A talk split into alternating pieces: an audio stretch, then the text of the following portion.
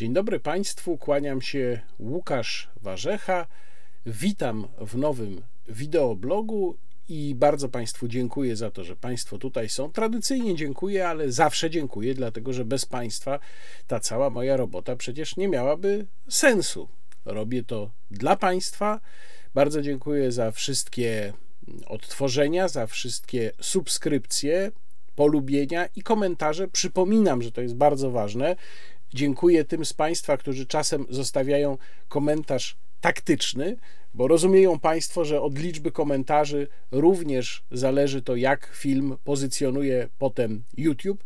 I mam przy okazji serdeczną prośbę mm, o to, żebyście Państwo nie zapominali, że sztandarową lokomotywą tego kanału są właśnie te wideoblogi, bo Rzeczywiście przy y, umieszczeniu większej liczby materiałów, przypominam, że na kanale jeszcze rozmowa niekontrolowana, a także y, mój program z Antonim Dudkiem Podwójny Kontekst, y, no, te materiały trochę się czasem nawzajem kanibalizują i przypuszczam, że niektórzy z Państwa dostają powiadomienia kolejne o nowych materiałach, zapominają o tym, że ten wideoblog ukazujący się mniej więcej co dwa tygodnie, no jest jednak bardzo ważną częścią tego kanału i prosiłbym, żebyście Państwo o tym pamiętali. Oczywiście dziękuję również i kłaniam się bardzo nisko mecenasom tego kanału. Przypominam, że wsparcie kanału jest możliwe albo przez mechanizm YouTube, czyli ten bezpośrednio tutaj umieszczony, poprzez y, przycisk Wesprzyj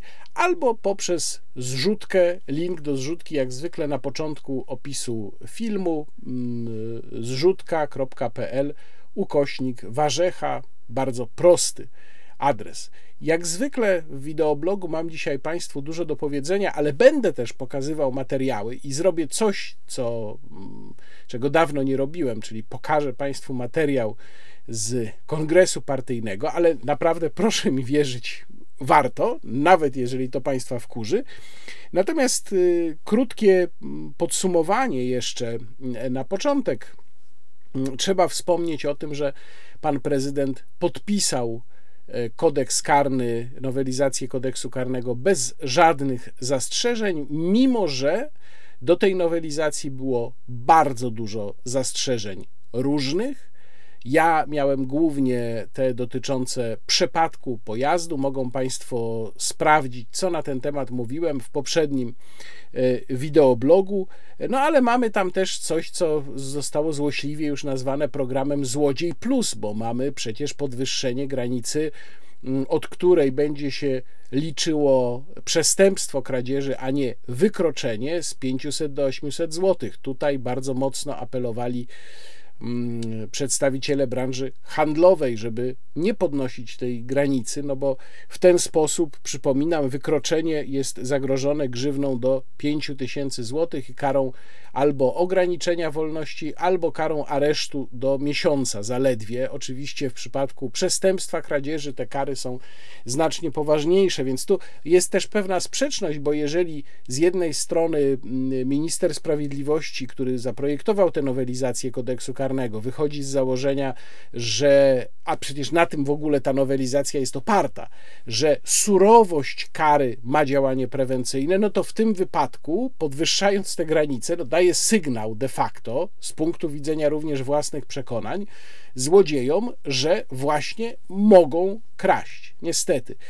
Pan prezydent nie wziął pod uwagę żadnych zastrzeżeń, nie miał najmniejszych wątpliwości, złożył swój podpis. Muszę powiedzieć, że jestem tym niezwykle zawiedziony, choć, żeby było jasne, nie jest to jedyna rzecz, którą pan prezydent w czasie swojego urzędowania zrobił, a którą jestem zawiedziony i stali widzowie tego wideoblogu pewnie doskonale wiedzą, że podobne uwagi mam bardzo krytyczne dotyczące działań pana prezydenta miałem w czasie mm, pandemii, a także w czasie wojny na Ukrainie, a także w wielu innych sprawach. No ale na ocenę tej prezydentury to przyjdzie może czas w momencie, jak ona się będzie kończyć.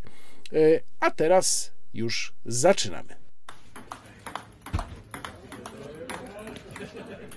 Dużo będzie dzisiaj o e, kwestiach klimatystycznych, różnego rodzaju i w różnych aspektach, i chciałbym zacząć od przypomnienia o tym, że w Krakowie radni uchwalili strefę czystego transportu.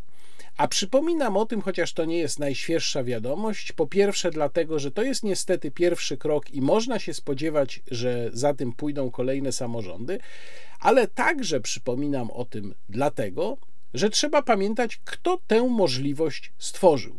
Przecież to nie sam samorząd uchwala prawo powszechnie obowiązujące. Samorząd może uchwalić prawo lokalne, tak zwane. Taki jest charakter uchwały, którą gmina przyjmuje, jeżeli ustanawia taką strefę czystego transportu. Natomiast no, mm, umożliwienie, uprawnienie gminy do wydania takiej uchwały znalazło się w ustawie.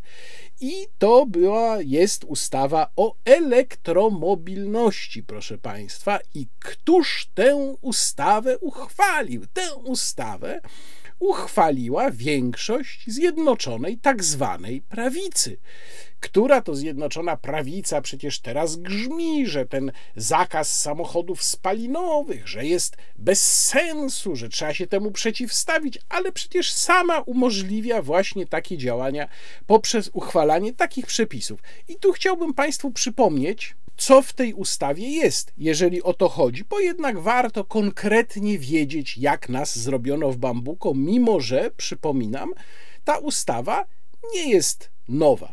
Otóż o ustanowieniu strefy czystego transportu mówi artykuł 39 ustawy o elektromobilności i w wersji, która obecnie obowiązuje, w przeciwieństwie do wersji poprzedniej, nie ma tu żadnej granicy wielkości tej gminy.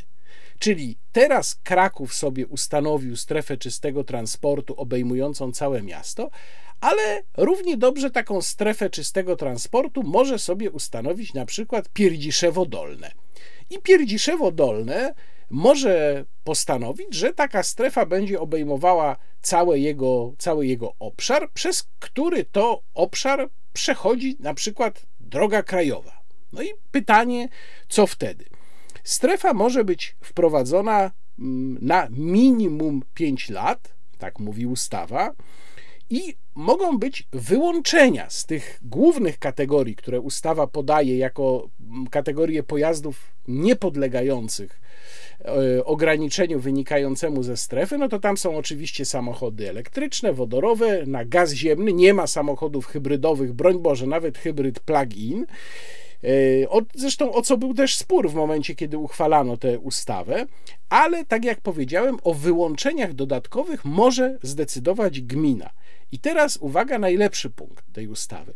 Otóż gmina może wyłączyć niektóre pojazdy z obowiązywania tej strefy za opłatą. Czyli gmina, krótko mówiąc, zgodnie z ustawą, może sobie kasować za to, że będą Państwo mogli na przykład swoim dieslem wjechać do takiej strefy czystego transportu i y, maksymalna cena miesięcznego abonamentu za taki wjazd to jest 500 zł. No i jeszcze w tej ustawie zawiera się ten słynny absurd naklejkowy, to znaczy każda gmina będzie wydawała własne naklejki. Czyli jeżeli na przykład dajmy na to, oby do tego nie doszło, ale obawiam się, że może dojść, bo przecież ten magnes wynikający z możliwości zarobienia jest y, bardzo potężny. Nawet jeżeli ustawa ogranicza cele, na które te pieniądze później mogą być wydane, bo to rzeczywiście nie jest tak, że pieniądze pochodzące z wykupienia tej możliwości wjazdu do strefy będą mogły być wydane na cokolwiek. Tam są cele teoretycznie powiązane z takim ekologicznym transportem, czyli tam na przykład zakup taboru, albo y, zakup floty rowerów. Też może być, flota rowerów może być utworzona za te pieniądze. Nawet jeżeli tak będzie, to i tak gmina będzie chciała na tym zarobić, no bo po, po prostu wtedy nie wyda pieniędzy ze swoich głównych przychodów, tylko ma dodatkowe źródło przychodu, za które sobie może na przykład kupić tam, nie wiem, nowe jakieś autobusy czy coś takiego, więc na pewno tak będzie. To jest to, PiS otworzył e, furtkę gminom do zarabiania e, na tym, żeby utrudniać ludziom normalne poruszanie się po mieście. No będą chcieli się poruszać normalnie, to będą musieli bulić. I teraz wracam do naklejek. Otóż załóżmy, że potrzebują Państwo wjechać do kilku, do stref w kilku takich miastach i to nawet nie kupują Państwo abonamentu. Powiedzmy, że w przyszłości mm, podróżują Państwo biznesowo do, dajmy na to, Trójmiasta, Poznania, e, Krakowa, no i na przykład do Łodzi. A są Państwo z Warszawy, czyli to w sumie jest pięć miast, a jeszcze jak Trójmiasto liczyć osobno, nie jako aglomerację, tylko jako odrębne miasta, no to może być nie pięć, tylko sześć, siedem może być tych miast. Więc y, jeżeli macie Państwo taką sytuację, to ustawa tutaj nic nie mówi, że naklejka potwierdzająca prawo wjazdu jest tylko jak się kupuje abonament. Nie, ta naklejka może być też przy jednorazowym wjeździe. To będą Państwo musieli sobie wtedy na szybie nakleić 7 naklejek. No albo 5 naklejek, wszystko jedno ale na pewno nie będzie to jedna naklejka, bo wzoru jednej naklejki dla całego kraju nie ustanowiono. No i ja pamiętam, jak przecież pani minister Moskwa była o to pytana wtedy, kiedy się szum wokół tego zrobił, kiedy tę ustawę uchwalano.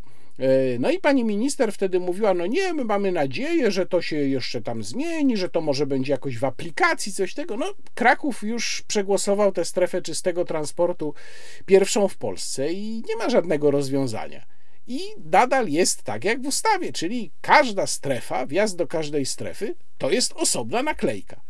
No ale wracając do samego Krakowa, nie uchwalono tej e, uchwały jednomyślnie, broń Boże.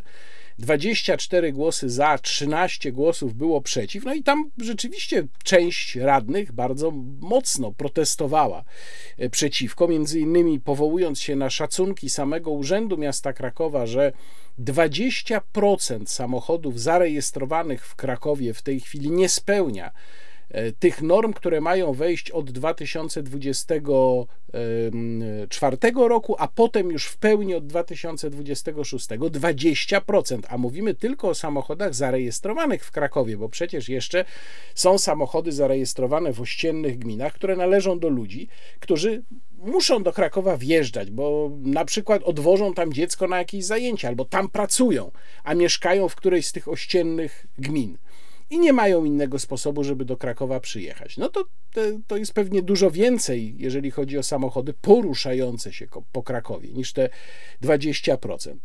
E, no i ci ludzie będą musieli, jeżeli nadal będą chcieli korzystać z samochodu, samochody wymienić. Wszystko to dzieje się, przypominam, w absolutnym dołku gospodarczym, kiedy perspektywy dla Polski i dla przychodów obywateli są e, na razie przynajmniej e, fatalne i jak też słusznie zwracali uwagę przeciwnicy tej uchwały w e, Radzie Miasta Krakowa, no, w przeciwieństwie do programu wymiany pieców, tutaj żadnej dotacji dla obywateli na wymianę samochodów nie będzie. No ale wiceprezydent Krakowa wychodził, mówi tam, no to było ciężko, prawda, no to nie jest, to nie była łatwa decyzja, ale ona, panie, była konieczna. No i to jest właśnie taki typowy przykład urzędasa, który się zafiksował na jakimś problemie i ma kompletnie gdzieś, że duża część ludzi z powodu tej decyzji będzie po prostu cierpieć. Ale tu jest jeszcze jeden aspekt. I tu odwołuję się do tekstu, który napisałem na forum polskiej gospodarki w ubiegłym tygodniu. Link do tekstu, jak do wszystkich tekstów, w opisie filmu, gdzie wskazałem na to, że ta uchwała jest również uderzeniem w prawo własności, czego wiele osób nie dostrzega. Bo jeżeli się powoduje, że jakaś rzecz, której jesteśmy posiadaczem, nabyliśmy ją w pełni legalnie i w pełni legalnie jej używamy, nagle nie może być używana, no to jest to uderzenie w nasze prawo własności. Jeżeli ktoś ma samochód niespełniający norm, które mają obowiązywać zgodnie z uchwałą Rady Miasta Krakowa i mieszka w Krakowie i ma ten samochód w Krakowie, to co on ma z nim zrobić? No może go sprzedać, albo może go parkować za granicami miasta Krakowa. To jest oczywiście absurdalne. I to właśnie oznacza, że taka osoba tak naprawdę traci prawo do korzystania ze swojej własności. I tutaj mogę tylko po raz kolejny zwrócić uwagę, jak niesamowicie ważną rzeczą byłby dobrze, normalnie działający w Polsce Trybunał Konstytucyjny. Nie ta parodia Trybunału z panią magister Przyłębską, którą mamy teraz, ale naprawiony, normalnie funkcjonujący Trybunał Konstytucyjny, złożony z prawników w miarę niezależnych, którzy będą mieli swoje poglądy, bo to jest nieuniknione. Ale chodzi o to, żeby oni nie chodzili na kolację do pana prezesa albo na podwieczorki do pana przewodniczącego z drugiej strony, tylko żeby oni naprawdę byli w miarę możliwości gwarancją naszych konstytucyjnych praw żeby na przykład można było taką ustawę o elektromobilności przesłać do Trybunału Konstytucyjnego i nie mieć przekonania, że Trybunał zrobi tak, jak sobie zażyczy partia matka. E, więc prawo własności również zostaje pogwałcone tą mm, e, uchwałą. I to nie jest pierwszy taki raz. Proszę zwrócić uwagę, że dokładnie taki sam charakter mają uchwały zakazujące korzystania na przykład z kominków w niektórych miastach. Zdaje się, że w Krakowie to też, to też obowiązuje. Ktoś e, wybudował dom, wybudował w nim kominek, albo na przykład zrobił sobie kominek w mieszkaniu, czy to e, na etapie planowania, czy potem go sobie dobudował. Zrobił to w dobrej wierze, chciałby z tego korzystać? Nie, bo zapada uchwała, która mu odbiera prawo korzystania z jego własności. Czyli pozostawia go z czymś, w co on zainwestował pieniądze i co staje się bezużyteczne. No i tutaj również moim zdaniem powinien wkraczać Trybunał Konstytucyjny, ale jak wiemy, ten Trybunał Konstytucyjny nie wkroczy na pewno.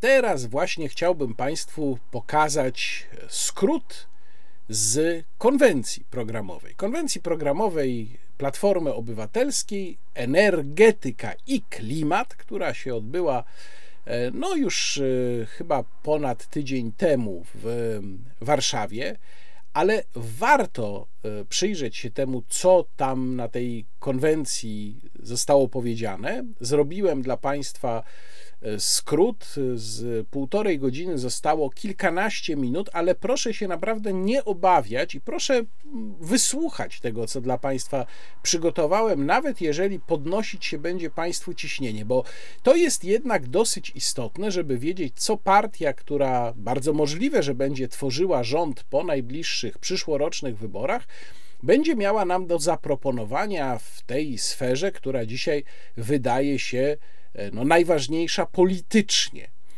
E, proszę zatem zobaczyć, proszę posłuchać i tradycyjnie po tym materiale ja pozwolę sobie zwrócić Państwa uwagę na pewne szczególnie istotne aspekty i fragmenty. Tak się składa, że ja kilka dni temu byłem na szczycie klimatycznym, gdzie podejmowane były jedne z najważniejszych decyzji, jeżeli chodzi o walkę z ociepleniem klimatycznym. I co się okazało? A mianowicie wszyscy spece, największe autorytety na świecie mówią, że się pomylili. Że jest dużo gorzej niż się wydawało. Że te zmiany, które obserwujemy, za chwilę będą nieodwracalne. Grozi nam katastrofa. Grozi nam katastrofa. Grozi nam katastrofa. How dare you? Drugiej planety nie ma. Często się o tym mówi, młodzi ludzie zawsze nam o tym mówią, że nie ma drugiej planety, nie ma planu B. Musimy to zrobić, żeby ratować planetę. Musimy to zrobić, żeby ratować nasze zdrowie. 40 tysięcy osób umiera w związku z zanieczyszczeniem powietrza rocznie w Polsce. Nie wiem, czy Państwo wiecie, ale w Stanach Zjednoczonych dzisiaj jeden z najbardziej poszukiwanych zawodów to ktoś, kto umie montować panele fotowoltaiczne. Warszawa jako pierwsze miasto w Polsce zadeklarowała cel neutralności klimatycznej na rok 2050.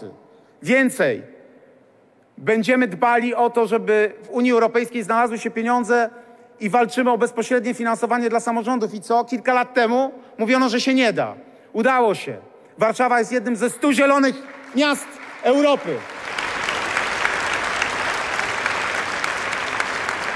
I pilotażowe projekty będą finansowane bezpośrednio. Co więcej, te miasta, które są zielone, będą miały priorytet w dostępie do unijnych pieniędzy. Kilka lat negocjacji i się udało.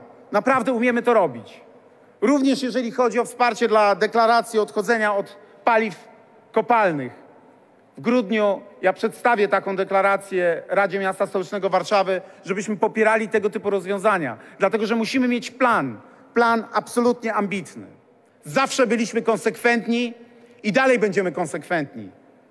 w obronie naszej planety.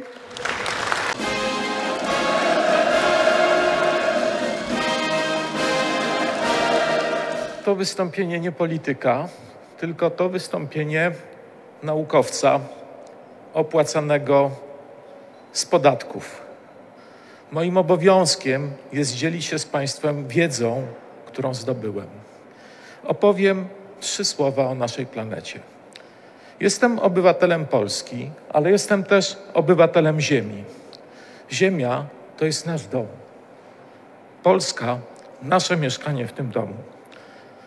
Patrzymy na ten nasz dom z perspektywy Słońca, z niezwykłego miejsca, obserwatorium klimatycznego zawieszonego w przestrzeni kosmicznej. Obecne globalne ocieplenie to zmiana klimatu inna niż wszystkie. Teraz my rządzimy klimatem i warunkami życia na naszej planecie. Język jest ważny. Globalne ocieplenie sugeruje coś przyjaznego i ciepłego, ale to gorączka całego systemu życia Ziemi. Przez ostatnie miliony lat przystosował się do chłodnej planety.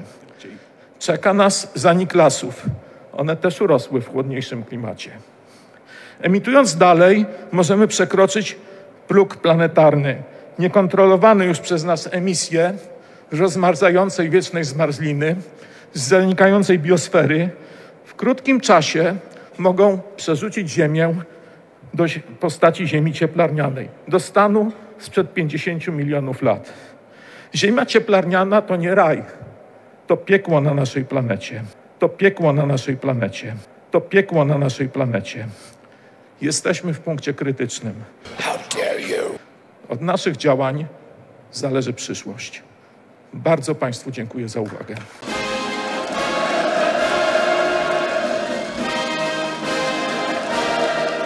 Po pierwsze, stworzymy do 2030 roku co najmniej 700 lokalnych społeczności energetycznych. Całkowicie zmodernizujemy co najmniej 150 sieci ciepłowniczych w Polsce. Wybudujemy do tego 2000 biogazowni. 2 miliony domów zostanie objętych kompleksową termomodernizacją, dociepleniem i wprowadzeniem ekologicznych źródeł ciepła w postaci pomp ciepła oraz oczywiście paneli fotowoltaicznych. I wreszcie to nasze zobowiązanie, o którym mówił już Rafał Trzaskowski. Tak podtrzymujemy to zobowiązanie. Do 2030 roku o połowę zmniejszymy ilość energii produkowanej z węgla. To jest zobowiązanie Platformy Obywatelskiej. Pewnie zastanawiacie się, skąd na to wszystko pieniądze. Wspominał o tym Rafał Trzaskowski, ale raz jeszcze należy wyraźnie powiedzieć, przez ostatnie 7 lat zmarnowano co najmniej 70 miliardów pochodzących między innymi z uprawnień do emisji CO2. 70 miliardów złotych pozwoliłoby na to, by zbudować elektrownię atomową albo zbudować takie farmy wiatrowe, które całkowicie zaspokoiłyby potrzeby energetyczne konsumentów. Chodzi o tak ważne, fundamentalne sprawy.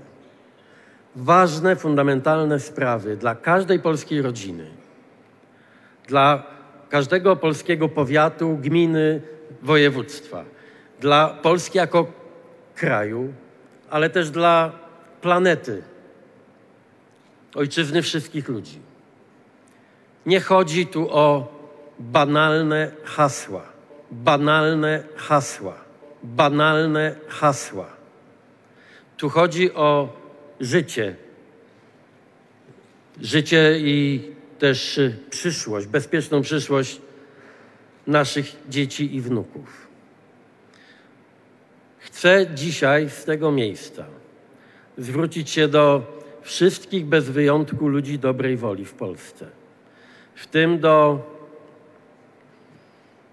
tych najbardziej aktywnych również w innych partiach politycznych.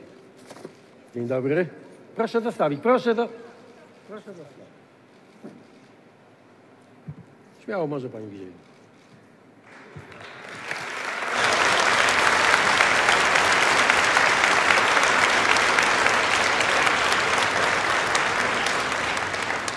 obraz silniejszy od słów, ale powtórzę, zwracam się do wszystkich bez wyjątku ludzi dobrej woli, dla których w tej absolutnie epokowej walce o czystą planetę, czystą Polskę nie ma jakby żadnych barier, żadnych mentalnych, politycznych oporów, żeby wspólnie działać w tej kwestii.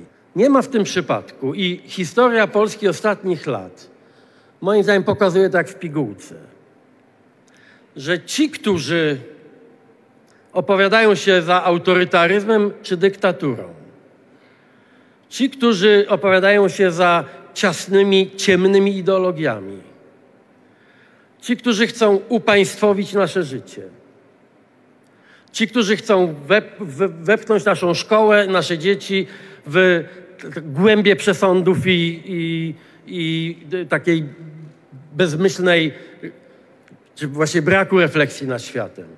Oni też wszyscy od lat wypierają problem zagrożenia klimatycznego. Oni od lat wypierają y, problem właśnie brudnych rzek, y, wycinania lasów, a są sprawcami zatrucia rzek czy, czy, czy wycinania lasów. Wiecie dlaczego? To jest, w tym nie ma przypadku. Spójrzcie na cały świat. To nie jest tylko problem Polski. Że ta ideologia wymierzona przeciwko wolności człowieka, ideologia wymierzona przeciwko prawom kobiet, ideologia wymierzona przeciwko prawom mniejszości, ideologia wymierzona przeciwko decentralizacji, samodzielności, samowystarczalności wspólnot lokalnych. To wszystko łączy ludzie, ludzi i siły polityczne, które równocześnie opowiadają się zawsze za autorytaryzmem, dyktaturą, a nie za demokracją. Zrozumiałem, że katastrofa klimatyczna to nie jest abstrakcja, że katastrofa klimatyczna to nie jest ideologia, tylko to jest nieszczęście i zagrożenie dla milionów, dla setek milionów ludzi.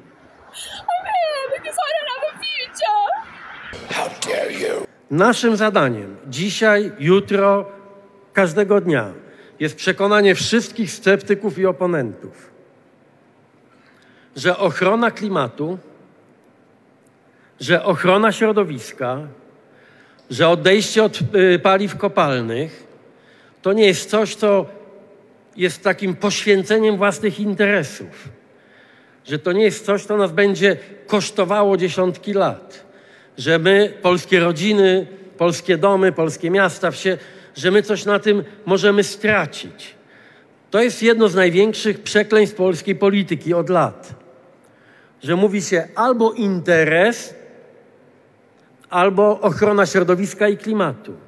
Nie, ochrona środowiska, ochrona klimatu to jest interes nie tylko ten wielki, strategiczny na przyszłe y, dziesięciolecia czy stulecia. To jest też świetny interes dla państwa polskiego, dla polskich rodzin, dla polskich małych i średnich przedsiębiorców. Na tym można też po prostu dobrze zarobić, chociaż nie to jest główny powód. Für Deutschland. Jeśli z takim maniakalnym uporem, powtarzam, jednoczmy swoje siły, musimy wygrać wielką grę.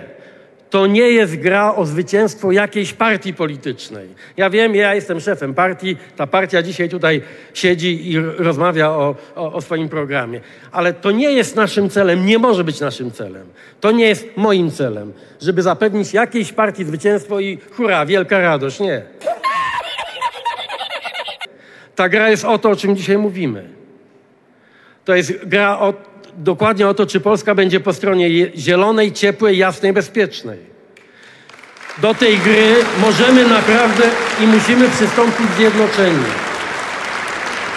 Nawet gdybyśmy mieli się różnić w stu innych sprawach, to ciepła, ciepła Polska, zielona, bezpieczna energia, ochrona środowiska, naszych wód, naszego powietrza, to naprawdę jest więcej niż potrzeba, żeby pójść do wyborów y, jako zjednoczona opozycja.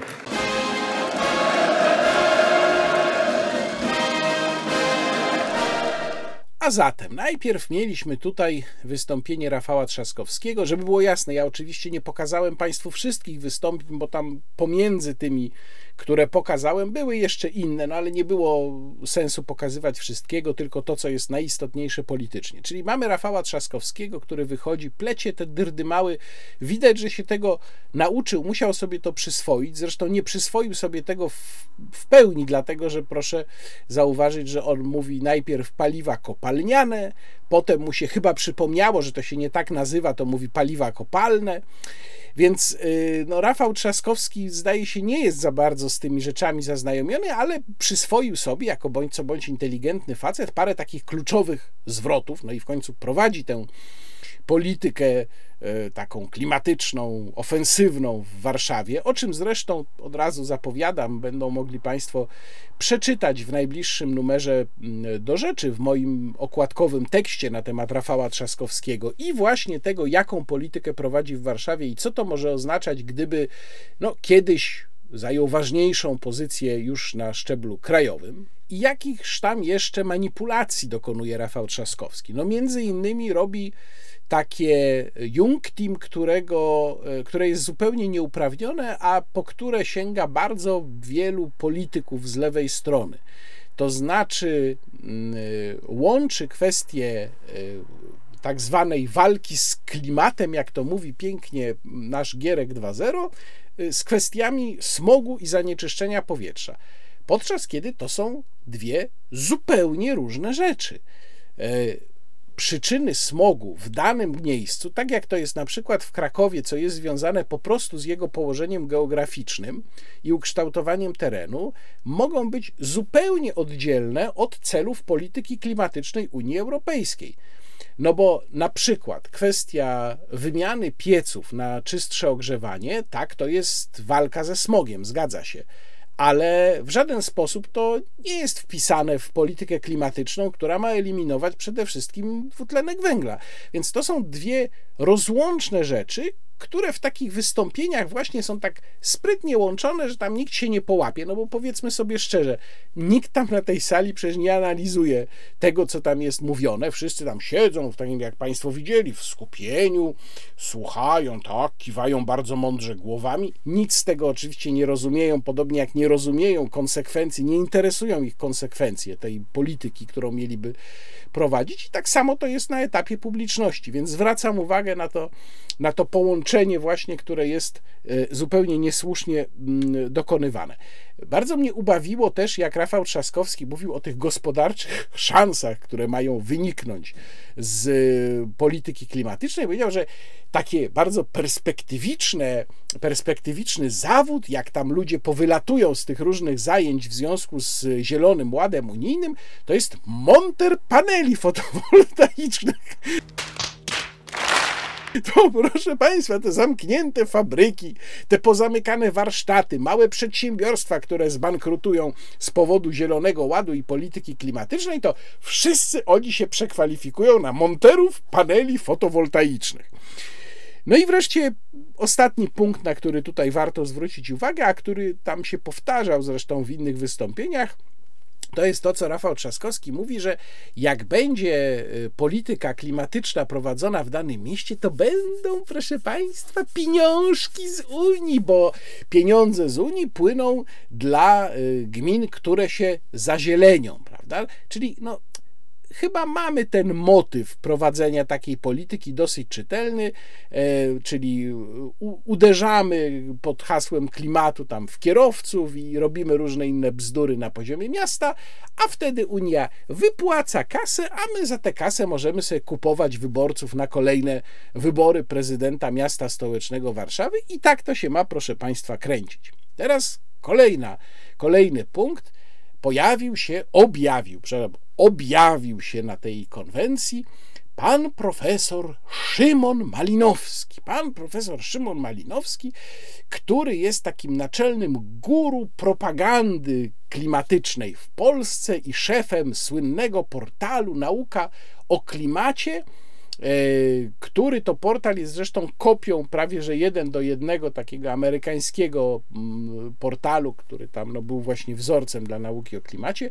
I ten zawsze mnie bawi, jak w tekstach różnych takich y, innych propagandystów trzeba się na coś powołać, i oni zawsze wtedy piszą, że takie rzeczy pojawiają się na przykład na portalu Nauka o Klimacie. Na przykład, jeżeli używa się sformułowania na przykład, to znaczy, że to jest właśnie tylko przykład, czyli że można przytoczyć jeszcze całe mnóstwo innych miejsc, gdzie mm, takie tezy są stawiane, a tutaj tylko jako przykład podajemy to jedno.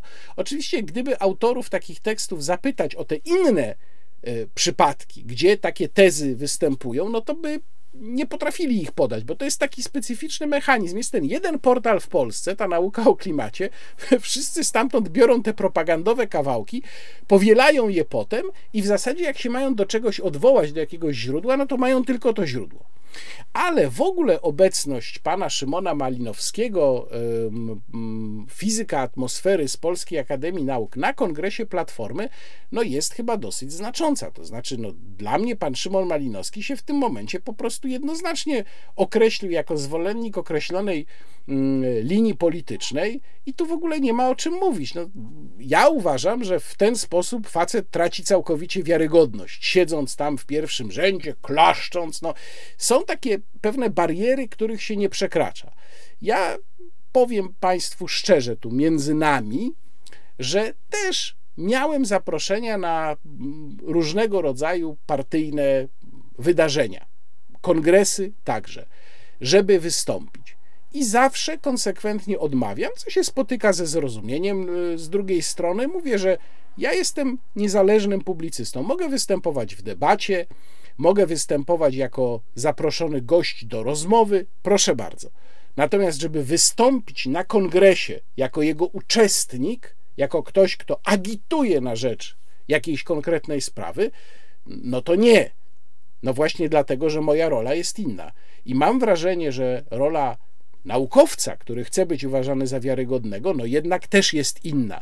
Bo jak pan Szymon Malinowski tam siedzi i klaszcze, jak mówi Donald Tusk, no to dla mnie jest człowiekiem, który będzie naciągał swoje tezy pod potrzeby polityczne.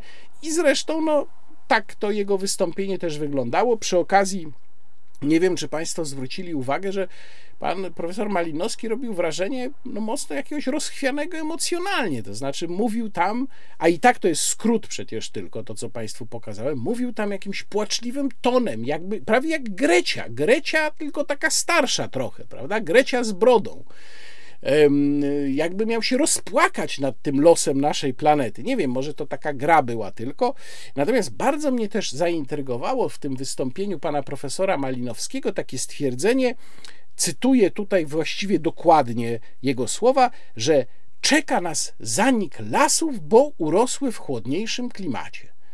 To znaczy, że, panie profesorze Malinowski, w Hiszpanii, we Włoszech, w Portugalii lasów nie ma? To jest bardzo, proszę pana, ciekawa teza. E, teraz następny występujący, którego Państwu pokazałem, czyli e, Borys Budka.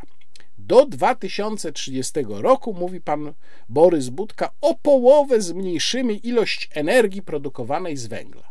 Do 2030 roku, czyli zostało tak, no powiedzmy 7 lat to ja przypomnę, że dzisiaj w polskim miksie energetycznym z węgla kamiennego i brunatnego jest produkowane około 70% energii.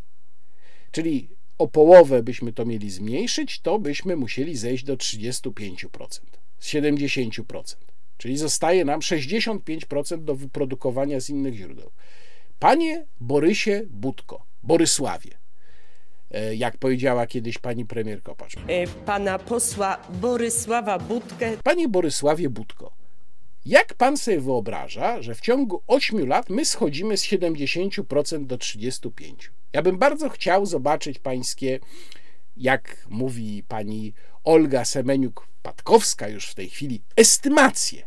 Jak pańskim zdaniem my to mamy zrobić? Proszę pokazać to na papierze, na, w jakiejś analizie, jak my to mamy zrobić. Mówił też o pieniądzach z uprawnień pan Borys Budka. To ja przypomnę, że uprawnienia, które są w puli polskiego rządu, nie wystarczają dla polskiej gospodarki. Czyli my netto mamy deficyt tych uprawnień. Po prostu emitujemy więcej niż mamy w naszej puli, co oznacza, że musimy dokupywać te uprawnienia z innych krajów, no, na przykład z Niemiec.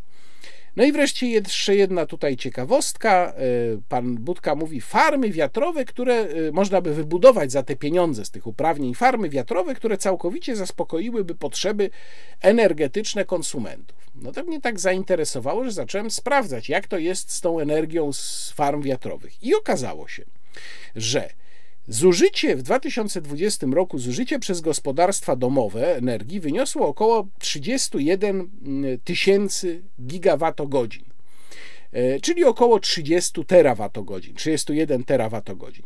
W 2021 roku produkcja energii z farm wiatrowych w Polsce to było około 30 terawatogodzin. Czyli to było w zasadzie tyle właśnie, ile zużywają polskie gospodarstwa domowe. No to o czym pan Budka mówi, że można by wybudować tyle, żeby zaspokajało to zużycie gospodarstw domowych, prywatnych konsumentów. No właśnie tyle jest. I ta, ta część zużycia jest zaspokajana w ten sposób, no bo takie jest zużycie gospodarstw i tyle właśnie produkują dokładnie farmy wiatrowe. No i wreszcie wystąpienie pana przewodniczącego Donalda Tuska, najważniejsze, wieńczące całą konwencję. I tutaj odsyłam Państwa do kolejnego mojego tekstu, ostatniego tekstu na forum polskiej gospodarki, gdzie zająłem się tym właśnie wystąpieniem pana e, przewodniczącego Tuska. No i oczywiście klub programu była ta panienka, która tam wyszła na scenę, rozwinęła ten banerek i jakiś ochroniarz ją chciał tam z tej sceny ściągnąć, ale pan przewodniczący powiedział: Nie, nie, zostawcie, zostawcie, pozwólcie tutaj. I potem się do niej odnosił, jak ona tam stała. No, muszę Państwu powiedzieć, oczywiście ja nie mam na to żadnych dowodów. Natomiast gdybym był takim Tuskiem i chciałbym się uwiarygodnić dodatkowo w oczach młodego pokolenia, bo ta dziewczyna tam miała 18 lat, która mu weszła na scenę, zresztą taka znana dosyć aktywistka klimatystyczna. Gdybym chciał się uwiarygodnić w oczach młodego pokolenia, to bym dokładnie zorganizował sobie, zaaranżowałbym sobie taką sytuację. Nie mówię nawet, że uzgadniałbym to z tą dziewczyną, bo ona by się mogła wygadać, że tam coś z nią uzgadniano. Nie, ale tak bym to zrobił i tak bym ją podpuścił i stworzył jej taką okazję do wejścia, no bo przecież ktoś ją tam wpuścił z tym plakatem. To był dosyć duży plakat, taki transparent. No to jak ona tam weszła? Jak Państwo myślą? To dokładnie tak bym zrobił spowodowałbym, żeby taka dziunia właśnie weszła tam na scenę, rozwinęła ten plakat. Mało tego, zadbałbym o to, żeby tam wszedł ten ochroniarz i ją próbował zrzucić, i wtedy ja bym mógł powiedzieć: Nie, nie, nie, zostawcie, zostawcie, niech se stoi. No, więc tak y, ja widzę tę sytuację. I teraz bardzo ciekawy wątek w tym wystąpieniu Donalda Tuska, o którym właśnie głównie e, o tym wątku napisałem w swoim tekście. Donald Tusk tam w pewnym momencie, trochę chyba naginając ten tekst wystąpienia, no tak przynajmniej to wyglądało, na bieżąco do tej e, dziewczyny, która tam stała, zaczął taką wizję wysnuwać, że jest, istnieje takie powiązanie pomiędzy tymi, którzy lekceważą katastrofę klimatyczną, bo to sformułowanie się tam wielokrotnie pojawiało przecież w trakcie tego kongresu, więc ci, którzy lekceważą katastrofę klimatyczną, to oni też tam są w ogóle wstecznikami, zamordystami, wielbicielami dyktatury, chcą nam zepsuć szkołę, e, chcą nam wszystko upaństwowić i tak dalej, i tak dalej. No to jest, proszę Państwa, bardzo ciekawy fragment tego wystąpienia i warto na niego zwrócić uwagę.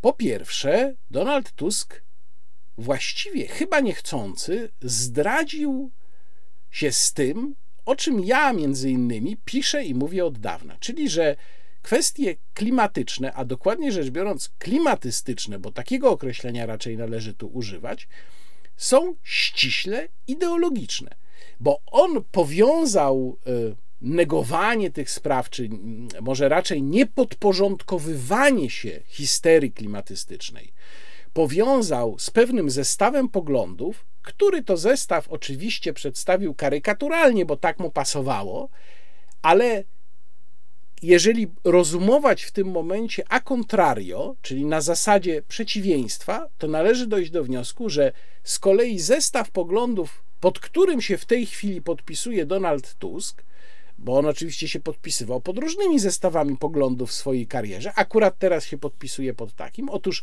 ten zestaw poglądów konweniuje i mm, generuje takie, a nie inne podejście do kwestii klimatu. Czyli Tusk przyznał, że to jest sprawa czysto ideologiczna. Oczywiście on by powiedział, że nie, nie, ideologia to jest tylko po tej drugiej stronie, a my słuchamy nauki, prawda? Ale to tak nie działa.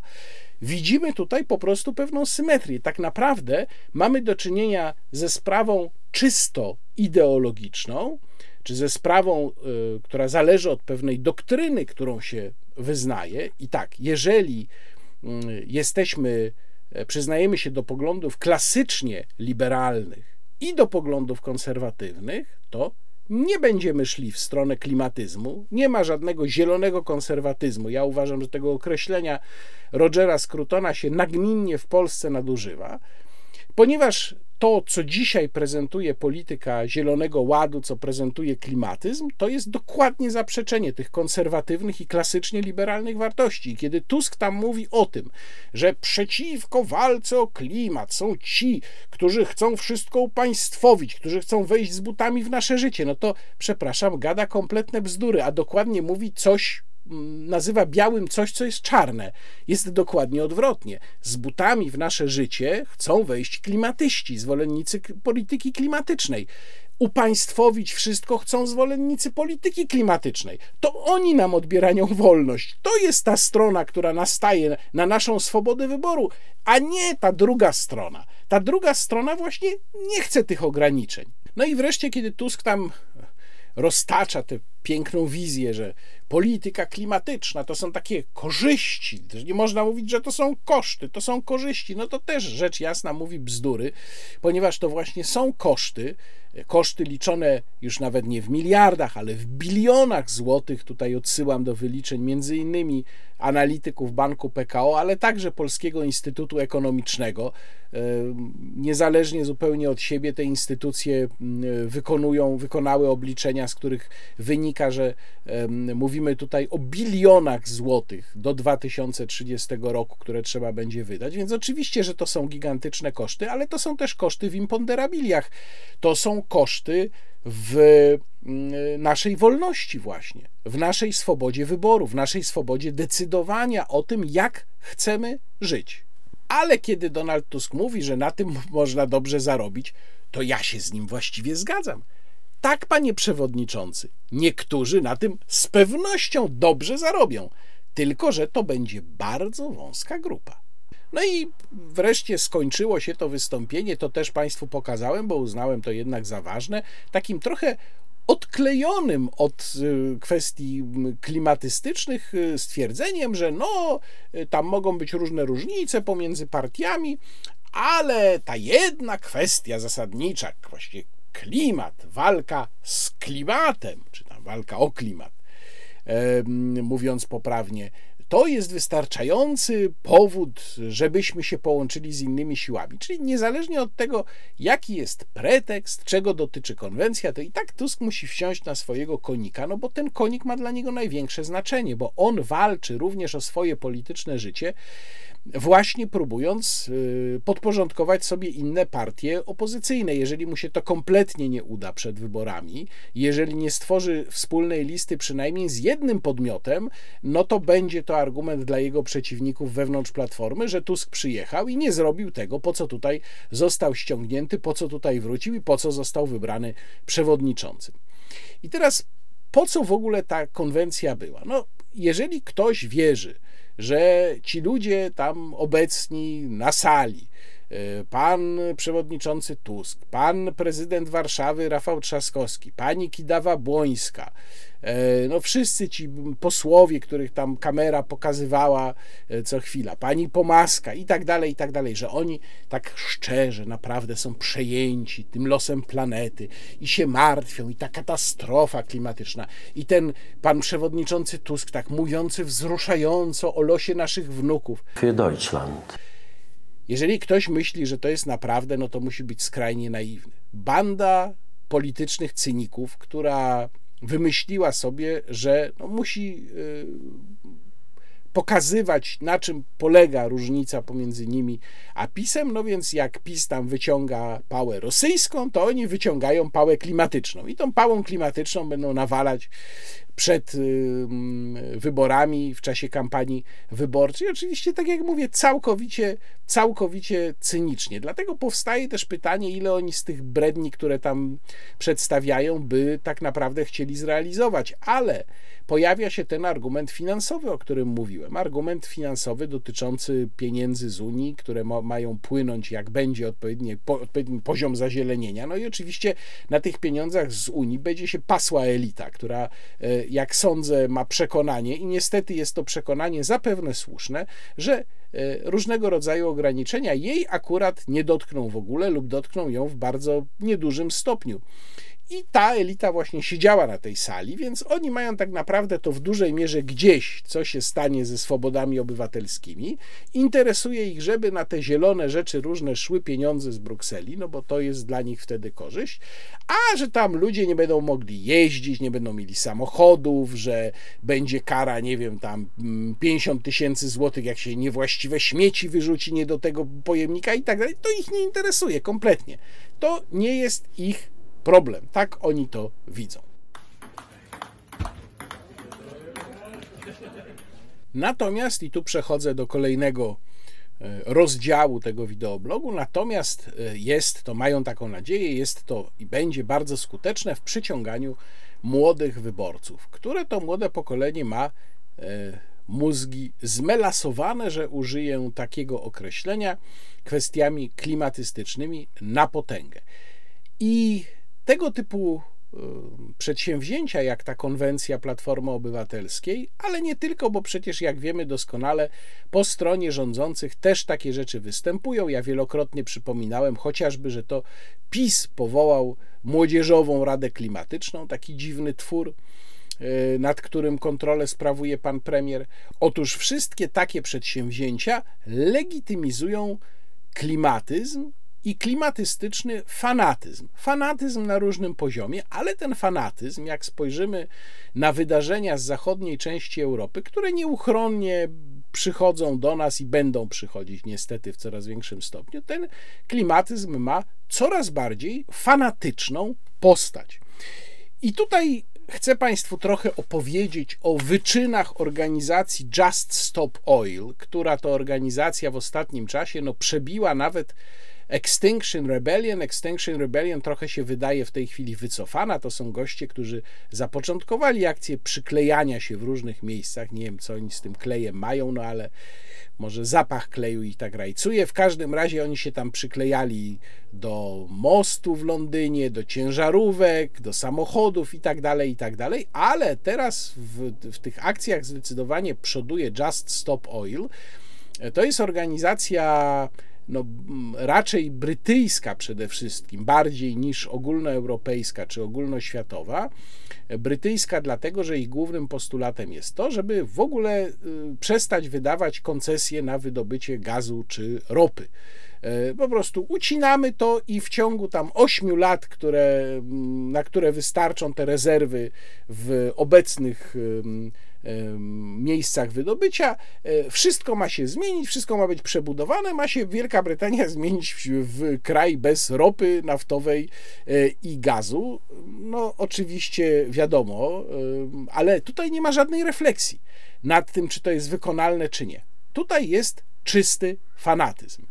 I to jest właśnie Just Stop Oil, y, organizacja od oblewania obrazów y, zupą, przyklejania się do obrazów, tak jak no, powiedziałem, że działają w Wielkiej Brytanii, ale przecież to w Holandii, w Mauritius House, tam gdzie jest dziewczyna z perłą Vermeera, jeden z najpiękniejszych obrazów europejskiego baroku. Tam się debil przykleił do, do szyby, na szczęście do szyby, nie do obrazu, którym ten obraz, którą ten obraz był przykryty.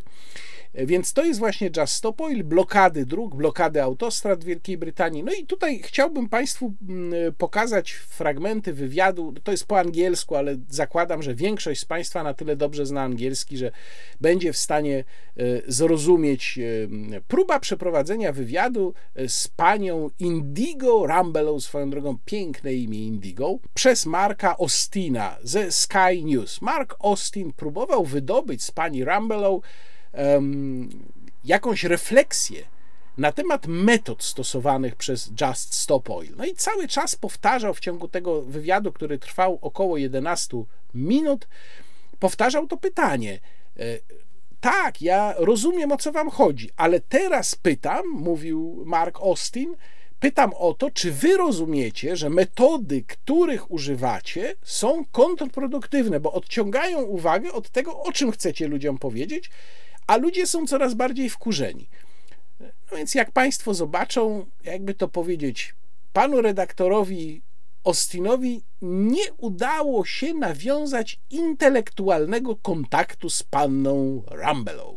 I'm interested to know about these tactics. What evidence do you have that blocking the busiest motorway in the UK, causing endless disruption for tens of thousands of people, is actually achieving anything?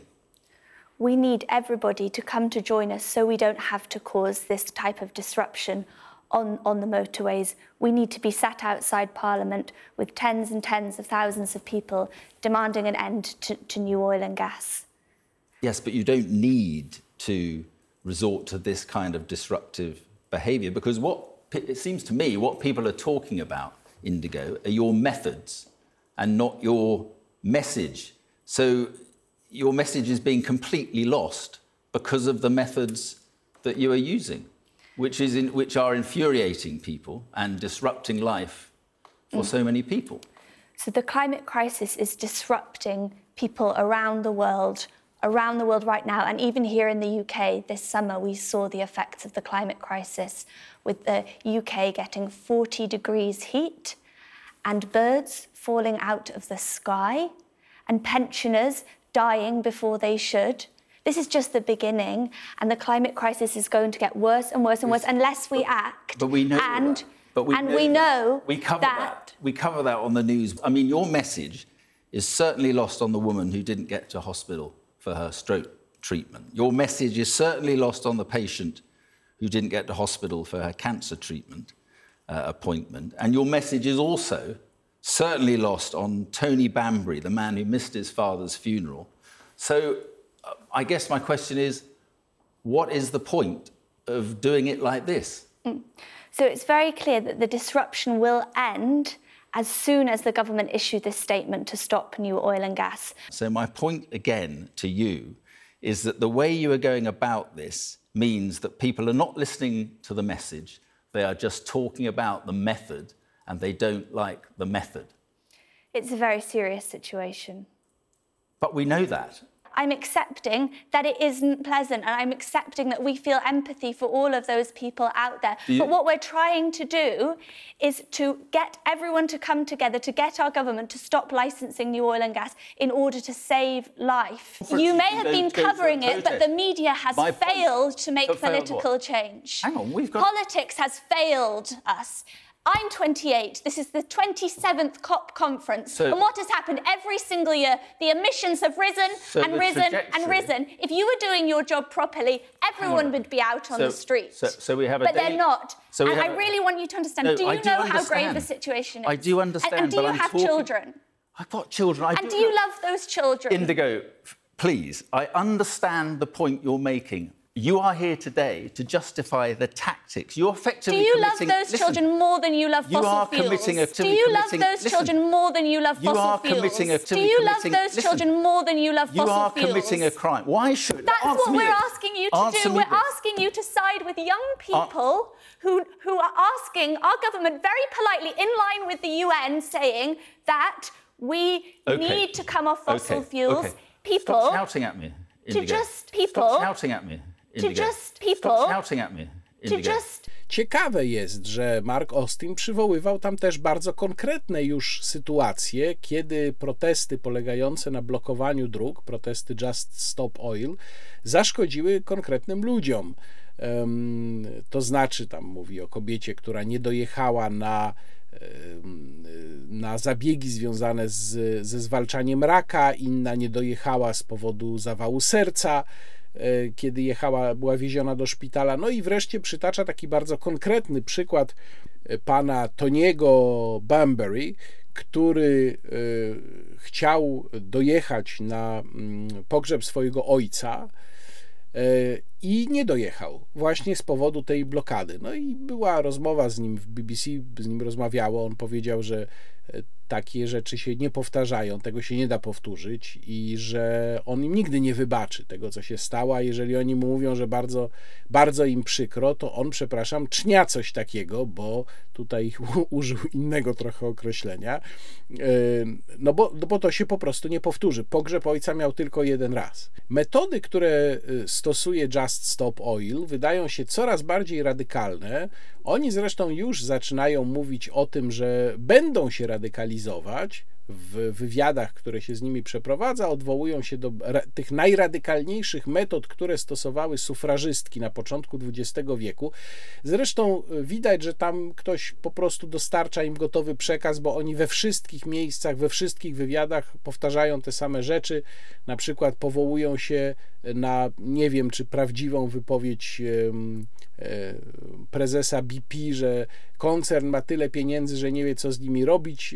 Nie sprawdzałem tej wypowiedzi, nie weryfikowałem, ale zakładałbym, że nawet jeżeli coś takiego prezes BP powiedział, no to przecież nie miał na myśli tego, że koncern ma pieniądze, które mógłby rozdawać, ale trzyma tam przy sobie, bo nie chce ludziom pomóc. No, być może ma pieniądze, które chce prze które zamierza przeznaczyć na, na inwestycje albo na inne tego typu cele. Może taki był kontekst tej wypowiedzi. Nie wiem, jak mówię, nie szukałem. Oni są dla mnie mało wiarygodnym e, źródłem, jeżeli chodzi o cytaty. Natomiast rzeczywiście te metody się e, radykalizują. Ludzie, zwłaszcza w Wielkiej Brytanii, no bo tam głównie Just Stop Oil działa, są coraz bardziej wkurzeni i prowadzi to do tego, że no, pojawiają się wezwania, żeby zacząć e, tę organizację traktować jak organizację terrorystyczną. Na przykład o to apelował do premiera Rishiego Sunaka, konserwatywny e, poseł do Izby Gmin z Dartford, to jest w południowo-wschodniej Anglii, pan Gareth Johnson. Just Stop Oil clambered up the Dartford crossing, causing chaos for days. They then attacked artworks, the M25, and anything else to cause misery and mayhem. These people are not protesters, they are criminals. Yeah.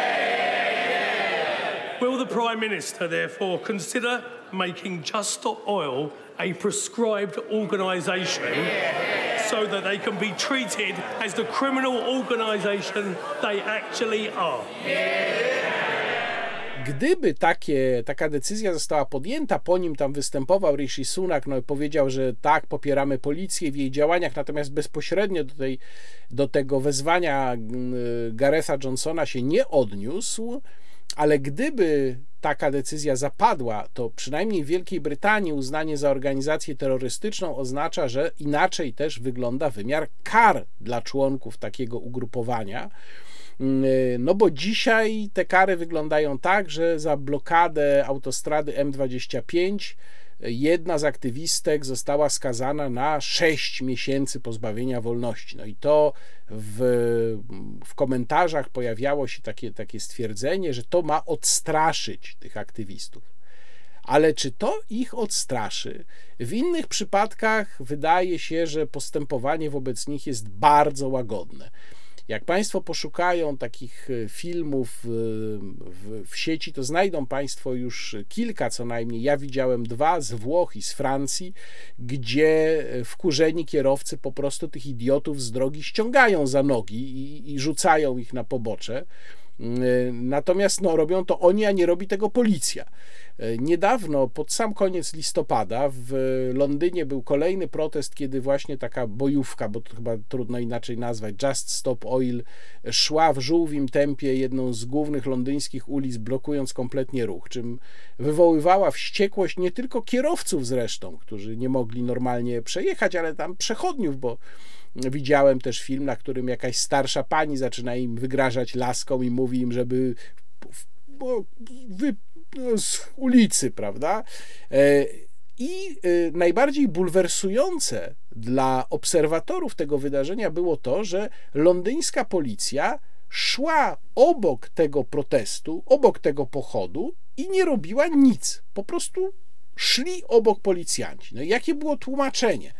Tłumaczenie szefa londyńskiej policji było takie, Metropolitan Police, było takie, że my nie mogliśmy nic zrobić, bo formalnie rzecz biorąc nie było to blokowanie drogi, bo blokowanie drogi by było jakby oni się zatrzymali albo usiedli, to wtedy jest blokowanie. No, ale jak oni idą z prędkością 2 km na godzinę, to jednak idą, czyli nie blokują. I to trzeba przyznać jest no, śmieszne tłumaczenie, bo oczywiście, że gołym okiem widać, że to jest blokada, yy, która powoduje nienaturalne spowolnienie ruchu, już pomijając fakt, że jezdnia nie jest w ogóle miejscem do poruszania się dla pieszych, oni sobie mogą najwyżej przejść przez jezdnię, no, ale nie iść jezdnią w takiej sytuacji.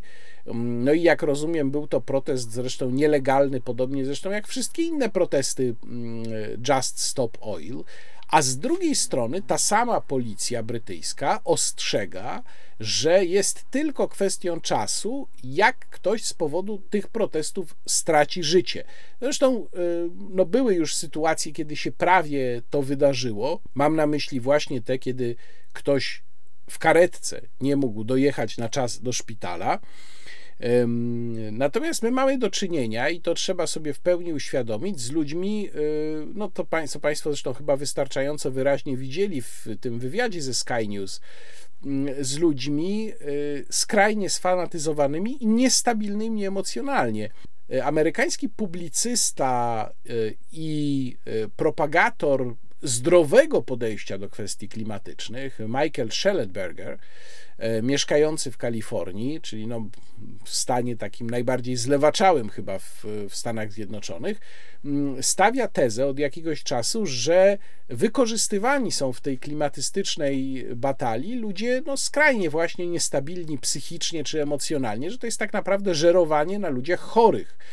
I jak się spojrzy na te sceny, tam w pewnym momencie wmontowałem też Państwu w to wystąpienie Donalda Tuska, taką um, dziewczynę, która blokowała M25 właśnie z Just Stop Oil, y, wdrapując się na kratownicę nad autostradą, bo oni taką mieli metodę, że tam siedzieli na tych kratownicach, no i żeby im się nic nie stało, to policja oczywiście blokowała ruch. E, no i ta panna tam stoi i mówi: e, Mam 26 lat i jestem tu, bo nie mam przyszłości. Widać, że oni są po prostu, jakby to ująć jakoś taktownie, no właśnie zmelasowane mózgi. Oni mają coś po prostu nie po kolei. I ta niestabilność emocjonalna się bardzo rzuca w oczy u kolejnych osób, które, które się wypowiadają w imieniu tej organizacji i innych podobnych.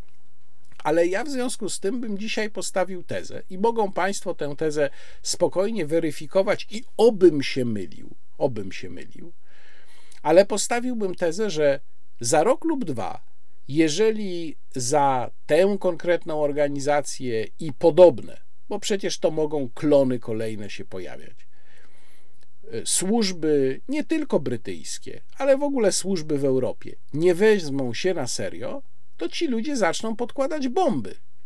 Dlatego, że ich poziom sfanatyzowania oznacza, że oni są gotowi pójść w tę stronę, ponieważ jeżeli oni wierzą, że nadciąga katastrofa klimatyczna, czyli jakiś, no, to jest mechanizm myślenia jak sekty, czyli jakiś kompletny, kompletna zagłada, to co ma znaczenie wobec takiej zagłady? Jakiś obraz? No nie ma żadnego, prawda?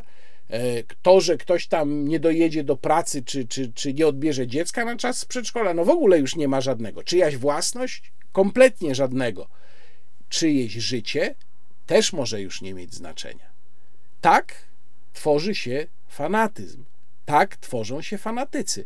A tu mamy właśnie do czynienia z grupą fanatyków, którzy zresztą nigdy nie będą usatysfakcjonowani. Fanatycy zawsze będą chcieli więcej i więcej. I teraz pytanie brzmi: kto ponosi winę za rozprzestrzenianie takich postaw? Bo można by błędnie powiedzieć, no dobrze, no to jest ekstrema klimatystyczna, ok, no ale przecież dyskutujmy, prawda, o klimacie tak no na spokojnie, na tych panelach różnych, spotykajmy się i tak dalej. No nie, proszę Państwa. Znaczy, to jest część większej całości. Jeżeli się zastanawiamy, kto y, ponosi winę za to, że takie postawy się pojawiły i że takie grupy fanatyków się pojawiły, to tę winę również ponosi Franz Timmermans, ponoszą ją również różnego rodzaju szkodliwi publicyści, którzy w Polsce również wygłaszają takie klimatystyczne dyrdymały i piszą jakieś tam podręczniki dla zielonej prawicy i podobne gnioty. Y, oni wszyscy działają w tym jednym układzie. Oni wszyscy są de facto sponsorami tego rodzącego się, to mówię z pełną odpowiedzialnością, rodzącego się zielonego terroryzmu, bo to, co my teraz widzimy, to jest dokładnie, to są dokładnie narodziny zielonego terroryzmu. Ja tylko przypomnę, że y, prozwierzęcy terroryzm w zasadzie już istnieje. Na Zachodzie już się zdarza, że prozwierzęcy terroryści, bojówki, no, używają przemocy zupełnie wprost. W Polsce w zasadzie też, bo mieliśmy przypadki na przykład podpalania gospodarstw niektórych hodowlanych i tutaj no śledztwa się toczyły, natomiast można podejrzewać, że to właśnie było dzieło takich grup. A teraz dochodzi do tego właśnie terroryzm, rodzący się terroryzm klimatystyczny.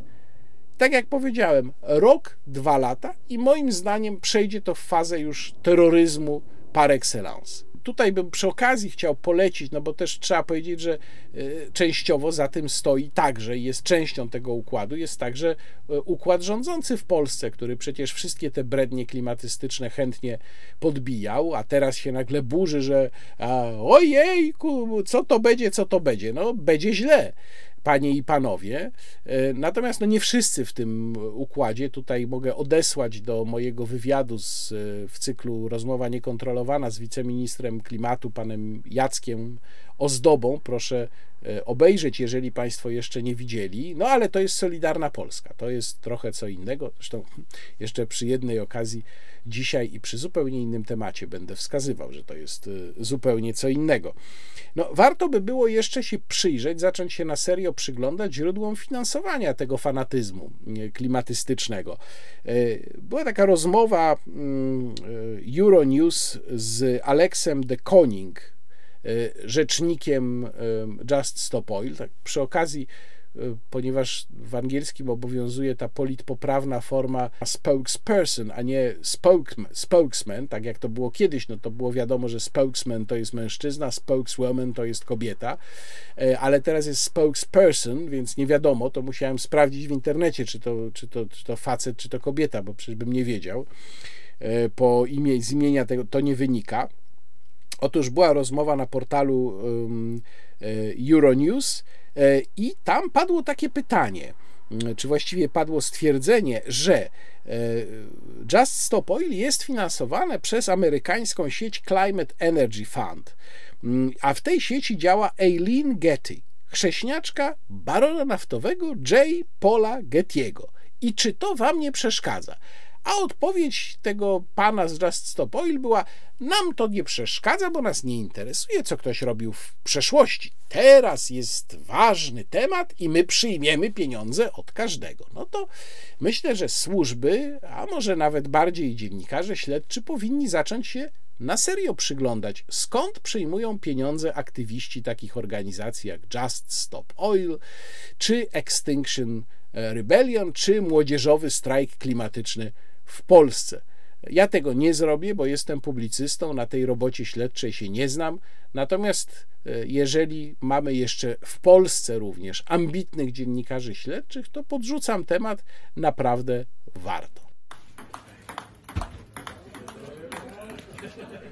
I wciąż zostajemy przy tematach e, energetycznych, trochę klimatycznych, bardziej może oszczędnościowych, bo teraz chciałbym Państwa uwagę zwrócić na tendencję, która niestety stała się już w Polsce powszechna, czyli gminy oszczędzają i oszczędzają niestety również na naszym bezpieczeństwie, bo zaczynają oszczędzać na oświetleniu ulicznym. Ja mam taką sytuację w mojej gminie, gminie Lesznowola. Gmina Lesznowola jest znana w całym właściwie kraju, głównie z tego, że pani wójt tej gminy miała pójść siedzieć, ale ostatecznie nie poszła, i to jest gmina, której finanse są w stanie raczej rozsypki. Taką miałem zabawną zresztą sytuację. Parę tygodni temu byłem, no, można powiedzieć, na drugim końcu Polski. Rozmawiam tam z wójtem E, zupełnie innej gminy niż moja, położonej daleko od mojej gminy. No i mówię, że ja mieszkam w takiej gminie, gdzie wójt właśnie się prawie że w, o, o, o mały włos nie znalazł za kratami, a ten wójt, z którym rozmawiałem, pokiwał głową, mówi: A, Lesznowola, to znamy, znamy. Wszyscy samorządowcy w Polsce znają ten kazus. No, więc to jest właśnie moja gmina. No i moja gmina, yy, proszę Państwa, zaczęła wyłączać nocne oświetlenie między godziną 23 a 4.30. Jest ciemno totalnie, a trzeba Państwu wiedzieć, że to jest okolica w ogóle tak jest w podwarszawskich okolicach, tutaj niestety w szczególności, gdzie między innymi na potęgę kradną samochody. To zresztą też wielki sukces polskiej policji. Kradzieże samochodów y, no, przestały spadać, a nawet zaczęły lekko rosnąć, a tutaj w ogóle w okolicach Warszawy to już jest dramat. To też nasza wspaniała policja świetnie sobie potrafi poradzić z ludźmi nie noszącymi maseczek w czasie epidemii, ale ze złodziejami samochodów to już panie tak trochę gorzej. I ja mówię o tym y, własnym doświadczeniu tutaj, ponieważ uświadomiłem sobie, że przecież w tej sytuacji jest bardzo wielu z Państwa i pewnie bardzo wielu z moich widzów również mieszka w gminach, które mogły wyłączyć oświetlenie całkowicie. Nie wszystkie gminy tak zrobiły. Niektóre powyłączały na przykład co drugą, co trzecią latarnię, albo co trzecia się świeci, albo ściemniły oświetlenie y, ja skierowałem do swojej gminy pytania w tej sprawie, między innymi właśnie takie, dlaczego tego nie zrobiono. Dostałem odpowiedź, że nie ma takiej możliwości technicznej. Jak gminy się tłumaczą? To jest istotna sprawa, bo proszę sobie uświadomić, i myślę, że to jest w tym moim wywodzie teraz najważniejsze, że mamy do czynienia z grą, w której dwie strony skonfliktowane w Polsce, czyli z jednej strony rząd, z drugiej strony samorząd, starają się e, zrzucić na siebie nawzajem odpowiedzialność, e, grając tak naprawdę naszym bezpieczeństwem. O co tutaj chodzi? Otóż nie tak dawno została uchwalona ustawa, którą Państwo mogą kojarzyć głównie dlatego, że ona dotyczy tych warunków e, utrzymania tańszych rachunków za prąd. To jest ustawa o szczególnych rozwiązaniach służących ochronie odbiorców energii elektrycznej w 2023 roku w związku z sytuacją na rynku energii elektrycznej.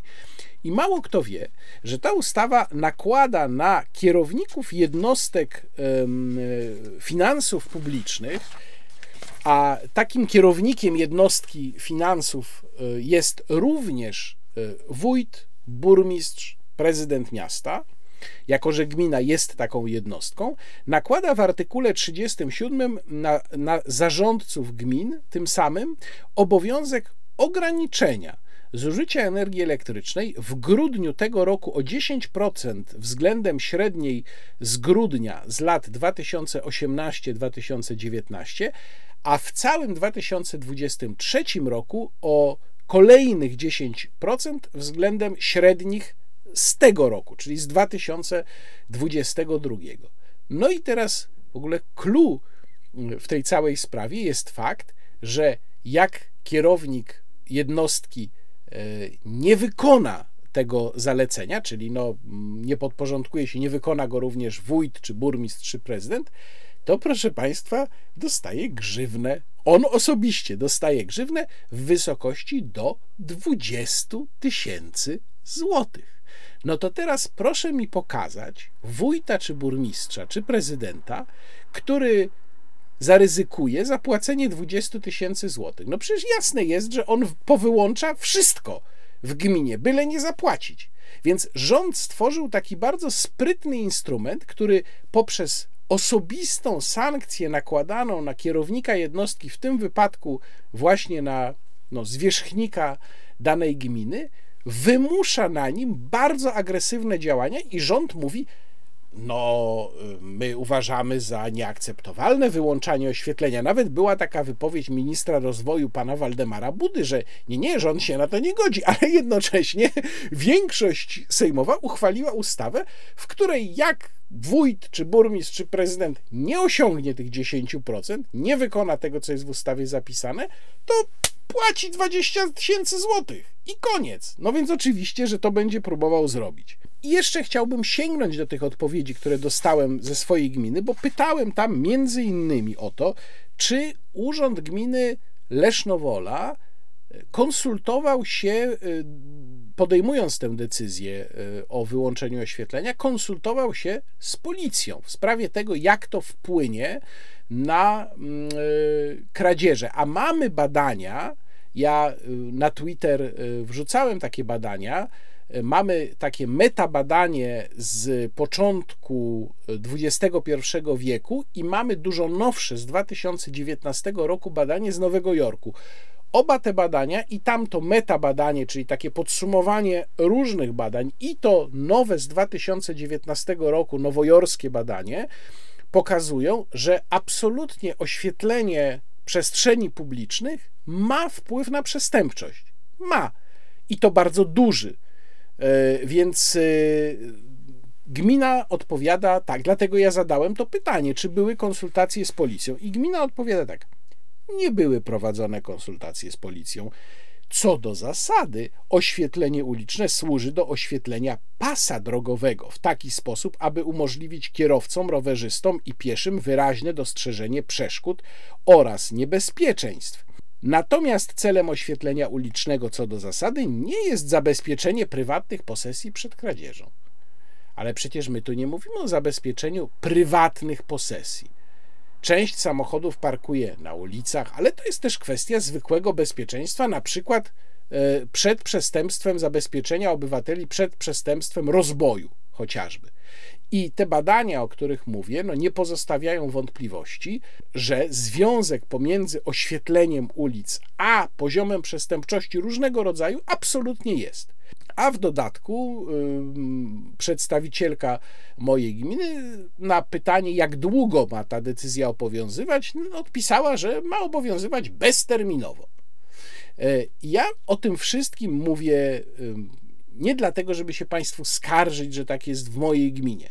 Mówię o tym z dwóch powodów. Po pierwsze, żeby Państwu uświadomić, że w tej trudnej sytuacji energetycznej rząd napuścił gminy na obywateli, a gminy będą zwalać sprawę na rząd. I tak się będą nawalać pomiędzy sobą te dwa sektory, samorządowy i rządowy, naszym kosztem, bo to jest wszystko kosztem naszego bezpieczeństwa. Miejcie Państwo tego świadomość. I druga sprawa, namawiam do tego, żeby interweniować w miarę możliwości w swoich gminach, jeżeli wyłączono Państwu całkowicie oświetlenie, pisać petycje, pojawiać się na konsultacjach, pojawiać się na obradach rad gminy i walczyć, domagać się tego, żeby gmina się wycofała z tej decyzji.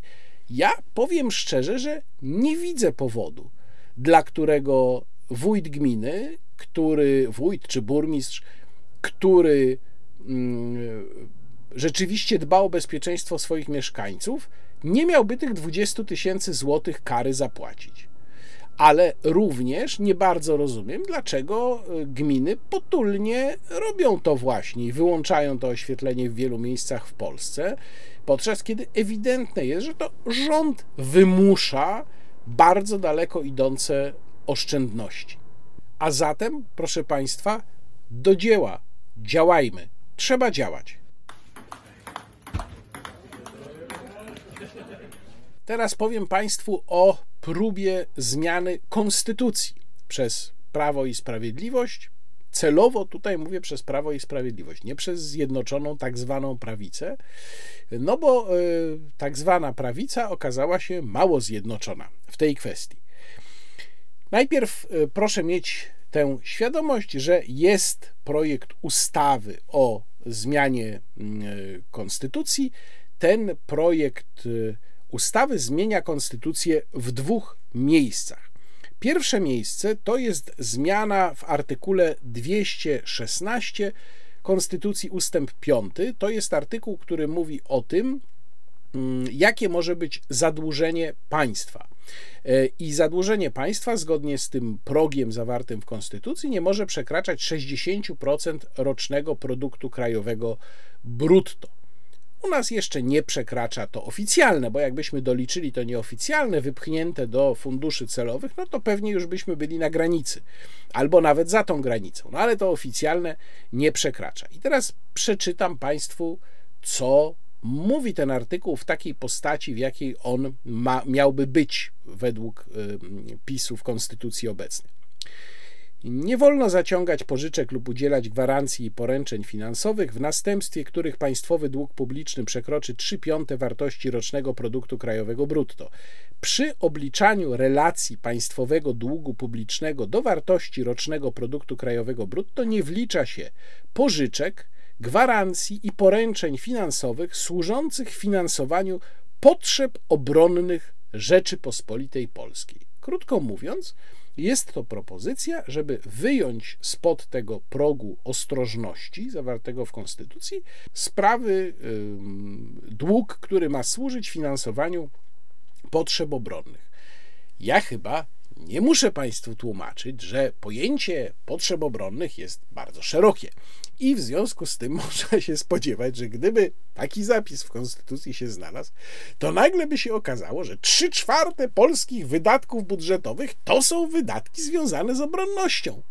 No, tak by pewnie było, więc mm, motywacja wprowadzenia tego przepisu jest dla mnie zupełnie jasna.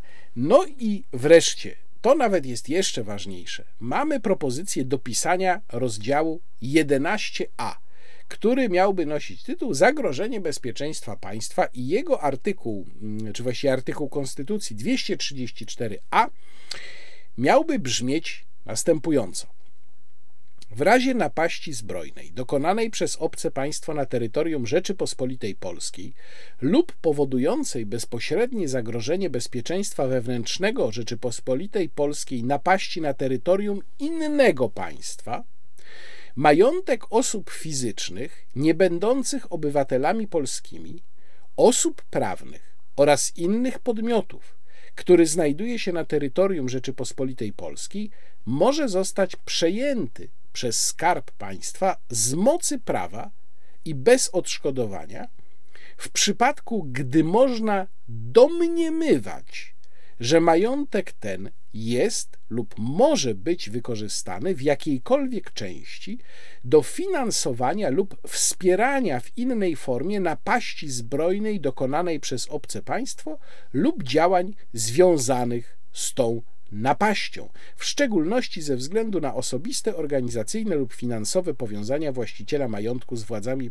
publicznymi tego państwa. Już wyjaśniam, co to znaczy. Nie wiem, czy Państwo pamiętają, jak kilkakrotnie omawiałem w wideoblogu różne plany lub też uchwalone e, ustawy, tak jak ustawę sankcyjną, z których wynikało, że w zasadzie rządzące, a dokładnie tam głównie to było Ministerstwo Spraw Wewnętrznych w takiej roli występowało, może w zasadzie do, dowolnie zupełnie uznaniowo dokonać nacjonalizacji jakiegoś majątku czy jakiejś firmy. No i tutaj, w tym artykule proponowanym, mamy dokładnie coś takiego. Bo rozbijmy go sobie, przeanalizujmy go sobie, zobaczmy, co tutaj właściwie jest. Po pierwsze, nie musi to być napaść na Polskę. Może to być napaść na inne państwo. Co ważne, w uzasadnieniu mm, tej zmiany jest zupełnie wprost mowa o napaści Rosji na Ukrainę, więc żeby nie było wątpliwości, to jest też jeszcze ważne.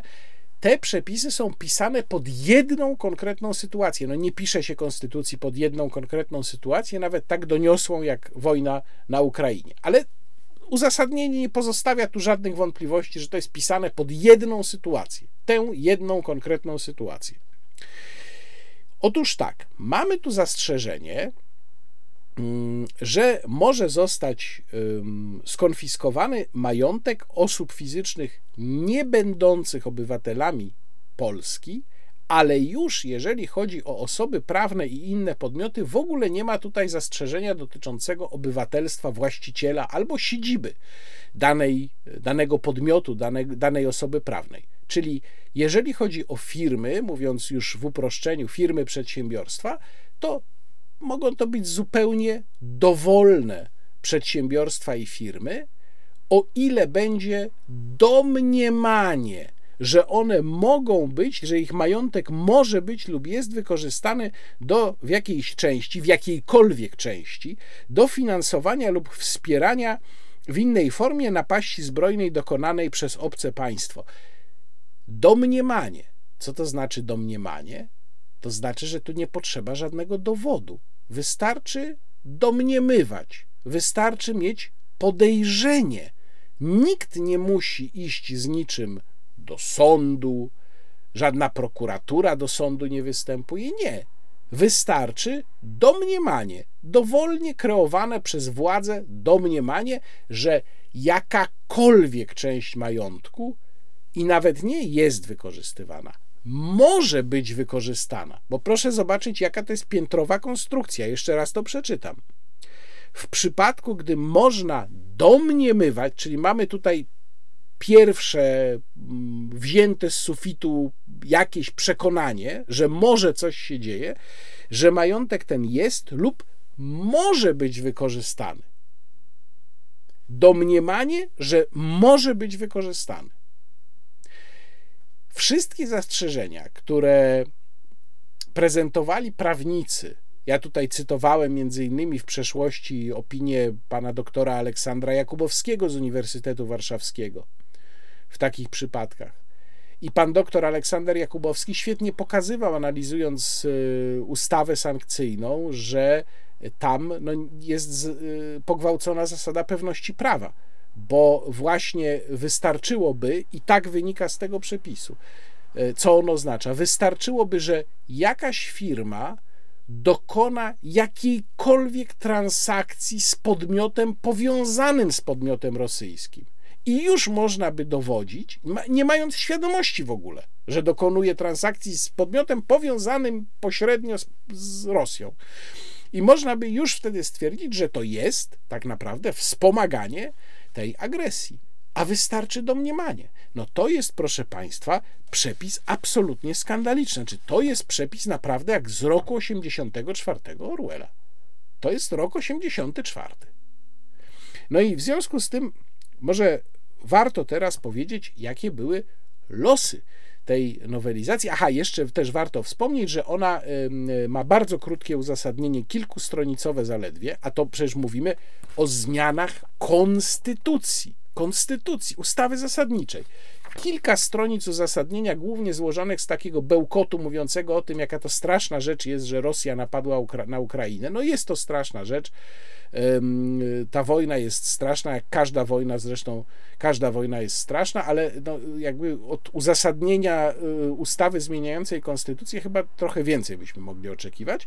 I jest dołączona do tego projektu jedna opinia prawna, jedna Biura Analiz Sejmowych, która to opinia prawna zresztą stwierdza, że artykuł 234a, ten, który właśnie Państwu przeczytałem, jest sprzeczny z prawem europejskim w tym zakresie, w jakim różnicuje obywateli na polskich i niepolskich. No więc nawet ta jedna opinia, i to z wewnątrz Sejmu, mówi, że ten projekt w tej części przynajmniej jest niezgodny z prawem europejskim.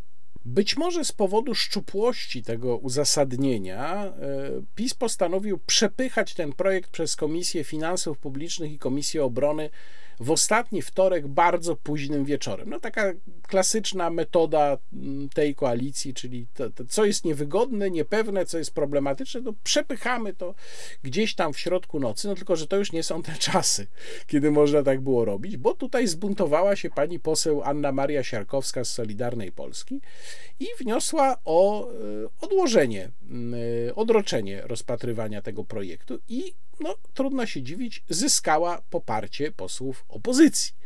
No i stała się rzecz niebywała. Otóż y, PiS przegrał głosowanie w tej sprawie, czyli we wtorek wieczorem ten projekt nie był rozpatrywany. Potem bardzo wkurzony poseł Bartosz Kownacki, ten od, od, od uczenia Francuzów jedzenia widelcem, mówił, że kto poparł ten wniosek, ten jest w partii prorosyjskiej. I zapytano pana posła, to pani poseł Siarkowska też jest w partii prorosyjskiej? Mówią, powiedziałem to, co powiedziałem, powiedział pan Kownacki. Ciekawa rzecz, że miał być ten um, projekt rozpatrywany w ostatni piątek rano e, w połączonych komisjach obrony i finansów, ale wycofano go z tych obrad. No, co się z nim dalej będzie działo, nie wiem. Warto tu przypomnieć, że PiS w zasadzie nie ma szans na zmianę konstytucji, więc po co w ogóle wprowadza ten problem, ten projekt, bo do zmiany konstytucji potrzeba dwóch trzecich, czyli to jest 307 głosów w Sejmie przy obecności co najmniej połowy ustawowej liczby posłów i y, znaczy 307 głosów to jest wtedy, kiedy y, zakładamy, że wszyscy posłowie są na sali, bo generalnie to są y, dwie trzecie. Dwie trzecie w obecności co najmniej połowy ustawowej liczby posłów i bezwzględnej większości w Senacie, czyli 51 głosów. No to na to PiS po prostu nie ma szans. Czyli po co to zostało uruchomione? No moim zdaniem zostało to uruchomione z tego samego powodu, z jakiego pojawił się pomysł komisji, specjalnej komisji do sprawy rosyjskich wpływów, o której to komisji za chwilę będę Państwu opowiadał. To znaczy, krótko mówiąc, po to, żeby właśnie móc pokazywać, o, oni są za Putinem, panie, za Putinem są. No, dokładnie do tego się to sprowadza. Pan poseł Kownacki wyskoczył z tym przekazem mm, we wtorek wieczorem. Trochę może było mu niekomfortowo, że no koleżanka z klubu jednak tam też już nie łyknęła e, tej sprawy i doprowadziła do, do przełożenia rozpatrywania projektu, ale nie stracił rezonu i dalej szedł w tę narrację. No i pewnie to tak będzie, to znaczy no będzie pokazywanie, że kto nie chce zmienić konstytucji w taki sposób, to po pierwsze nie chce, żeby Polska się obroniła, no bo nie chce wyłączenia tych, tego zadłużenia obronnego z limitu e, i po drugie jest sojusznikiem Putina, bo nie chce odbierać majątków, prawda? No, to jest tak prymitywna gra i tak szkodliwa dla państwa, że ja nawet no nie chcę tego już uzasadniać, bo to wielokrotnie robiłem. Nie chcę tego robić po raz kolejny i tłumaczyć, dlaczego ta gra jest tak szkodliwa, ale niestety obawiam się, że im bliżej wyborów w 2023 roku, tym tego będzie więcej. Tego właśnie, o czym teraz będę Państwu mówił nadal, no bo projekt powołania komisji Państwowej Komisji do Spraw Badania Wpływów Rosyjskich na Bezpieczeństwo Wewnętrzne Rzeczypospolitej Polskiej w latach 2007-2022. E, taka jest nazwa tej komisji, którą się proponuje mm, powołać. To takie rzeczy właśnie będą służyły do realizacji tej bardzo prymitywnej, nie wiem czy skutecznej taktyki nawalania się Putinem. No tak chyba można to określić. Ten projekt już jest w Sejmie, nawet już ma numer druku 2838, 2838, taki jest numer druku. Komisja ma się zajmować sprawami w latach, jak powiedziałem, jak wynika z jej nazwy, 2007-2022, no ale wiadomo, że będzie się skupiać na czasach Platformy, to wynika zresztą z jej struktury, z tego, jak ona ma wyglądać. Tu uwaga, to jest ważna rzecz. To nie ma być specjalna komisja śledcza bo podejrzewam, że niektórzy z Państwa mogą to mylić. Specjalna komisja, czy właściwie Sejmowa Komisja Śledcza, nie specjalna, bo tak to się nazywa zgodnie z prawem, każda funkcjonuje na podstawie ustawy o Sejmowej Komisji Śledczej, ustawy, mm, która już lata temu została uchwalona, chyba, chyba to było jeszcze właśnie przed powołaniem komisji do sprawy y, Rywina, po to, żeby tam ta komisja mogła się ukonstytuować. Natomiast to ma być komisja przypominająca w swoich kompetencjach i uprawnieniach komisję reprywatyzacyjną, czyli to jest co innego. To nie jest Sejmowa Komisja Śledcza. To jest komisja z większymi kompetencjami, tak naprawdę, bo ma e, móc wydawać decyzje administracyjne uderzające w niektóre osoby. Za chwilę o tym Państwu powiem. Natomiast jeżeli chodzi o mm, e, skład, no bo to tutaj jest kluczowe, to komisja ma mieć dziewięciu członków wybieranych przez Sejm, no czyli koalicja, zakładając, że będzie miała większość do tego, bo to też nie jest jasne. Przecież formalnie rzecz biorąc, Zjednoczona Prawica nie ma dzisiaj większości w Sejmie będzie wybierać, no bo ma, bo ma największy klub i jeszcze, żeby było śmieszniej, przewodniczącego komisji wyznacza wyznacza prezes Rady Ministrów. Więc to już w ogóle jest kompletnie kpina i sprawdziłem sobie jeszcze, to jest też fajne, że przewodniczący komisji na dietach zarobi miesięcznie tak około 9 tysięcy złotych bo będzie zarabiał mniej więcej trzykrotność, diety mają wynosić miesięcznie trzykrotność minimalnego wynagrodzenia, no to minimalne wynagrodzenie w przyszłym roku sięgnie 3600 zł mm, brutto, no to około 10 tysięcy do, do kieszeni mm, ściągnie. I teraz, co jest ważne?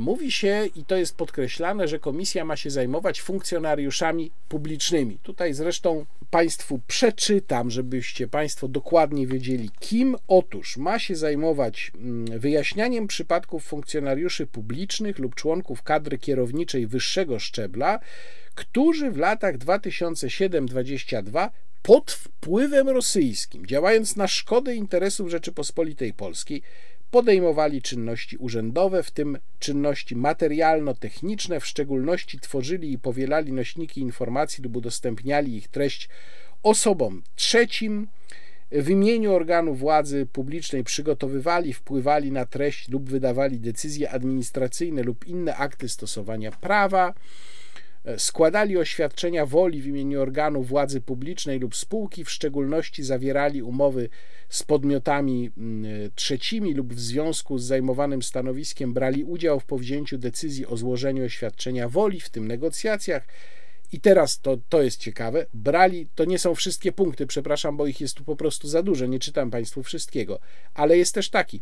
Brali udział w przygotowaniu lub prezentacji stanowiska Rzeczypospolitej Polskiej na forum międzynarodowym, w szczególności w ramach prac organizacji międzynarodowej, której Rzeczpospolita Polska jest członkiem, czyli to już w ogóle wygląda jak próba e, sprowadzenia do kwestii współpracy tak naprawdę z Rosjanami danego modelu polityki zagranicznej. Czyli właściwie można sobie wyobrazić, że korzystając z tej samej ustawy, powołana zostaje w nowej kadencji Sejmu nowa taka komisja, która stawia e, przed sobą członków rządu PiS, twierdząc, że oni działali pod wpływem rosyjskim, bo realizowali taką, a nie inną politykę zagraniczną. Dokładnie można by na podstawie tego artykułu też zrobić taki numer. Nie wiem, czy PiS sobie z tego zdaje sprawę, ale w ogóle jak czytamy, czym się ta komisja ma zajmować, samo to określenie o wpływy rosyjskie, jeszcze raz przeczytam. Wyjaśnianie przypadków funkcjonariuszy publicznych lub członków kadry kierowniczej wyższego szczebla, którzy pod wpływem rosyjskim, działając na szkodę interesów Rzeczypospolitej Polskiej, no to Proszę zobaczyć, jak mgliste mamy tutaj kryteria. Po pierwsze, co to znaczy pod wpływem rosyjskim? No bo jeżeli mówimy o normalnej działalności agenturalnej, to od ścigania tej działalności mamy Agencję Bezpieczeństwa Wewnętrznego, mamy służbę kontrwywiadu wojskowego, mamy służby. Od takiej normalnej, mm, normalnego ścigania zwykłej agentury, zwykłej czyli tej, gdzie mamy twarde dowody, ktoś współpracuje, prawda? Jeżeli powstaje ta komisja, to czy ja mam rozumieć, i napisałem to zresztą w tekście w Rzeczpospolitej, do którego lektury Państwa zachęcam, to czy ja mam rozumieć, że to jest takie wotum nieufności wobec pana ministra Kamińskiego? No bo przecież on sprawuje kontrolę nad służbami, również tymi kontrwywiadowczymi, e, no nie wojskowymi, ale tymi cywilnymi kontrwywiadowczymi, sprawuje kontrolę od siedmiu lat. To znaczy, że co, nagle trzeba powołać komisję, bo pan minister Kamiński nie jest w stanie sobie poradzić z agenturą? No ale chwileczkę, to może nie mówimy o tej agenturze takiej ścisłej, ale to w takim razie o czym mówimy, proszę państwa? Co to znaczy, że ktoś działał pod rosyjskim wpływem? Znaczy, że co? Na przykład jak w ramach obowiązków służbowych, pracując powiedzmy w Ministerstwie Spraw Zagranicznych, spotykał się z Rosjanami, to już był pod rosyjskim wpływem, czy nie? jak komisja miałaby mu wykazać na twardo, że tak powiem, że jego spotkania służbowe z Rosjanami potem wpłynęły na jego działania, które komisja oceni znów arbitralnie jako sprzeczne z interesami Rzeczypospolitej Polskiej. Kto w ogóle tutaj określa ten interes Rzeczypospolitej Polskiej? No bo jeżeli uświadomimy sobie, że mamy różne wizje polityki zagranicznej, i podam tutaj przykład. Ja byłem przeciwnikiem i zresztą nadal uważam to za absurdalne polityki resetowania stosunków z Rosją, którą wprowadził Radosław Sikorski w 2007 roku po wygranej platformy w wyborach parlamentarnych. Uważałem, że to jest bez sensu. Do dzisiaj uważam, że to jest bez sensu. Nic to nie dało. Było to przymilanie się do Rosjan, które po prostu żadnej korzyści nam nie przyniosło. No ale czy ja mogę powiedzieć, że to, znaczy mogę powiedzieć, że to było działanie na szkodę, moim zdaniem, interesu Polski, ale czy ja mogę kogokolwiek za to ścigać? No, oni mieli jakąś wizję polityki zagranicznej. Błędną, głupią, nawet mogę powiedzieć sprzeczną z interesem Rzeczypospolitej. Ale wygrali wybory, mieli prawo realizować swoją politykę. No, jeżeli by były dowody na to, że ktoś to robił, będąc po prostu agentem rosyjskim, to ok, ale od tego są służby. Więc czym właściwie ta komisja się ma zajmować? Proszę zobaczyć, jak tutaj jest gigantyczny zakres zupełnie arbitralnego ustalenia sobie granic tego, co będą członkowie tej komisji robić. To jest po prostu coś niesamowitego. A teraz proszę jeszcze posłuchać, co mówi, bo to, to, to jest artykuł czwarty, który mówi, kim się komisja ma zajmować. Co mówi ten artykuł czwarty teraz w swoim ustępie drugim, bo to jest najlepsze.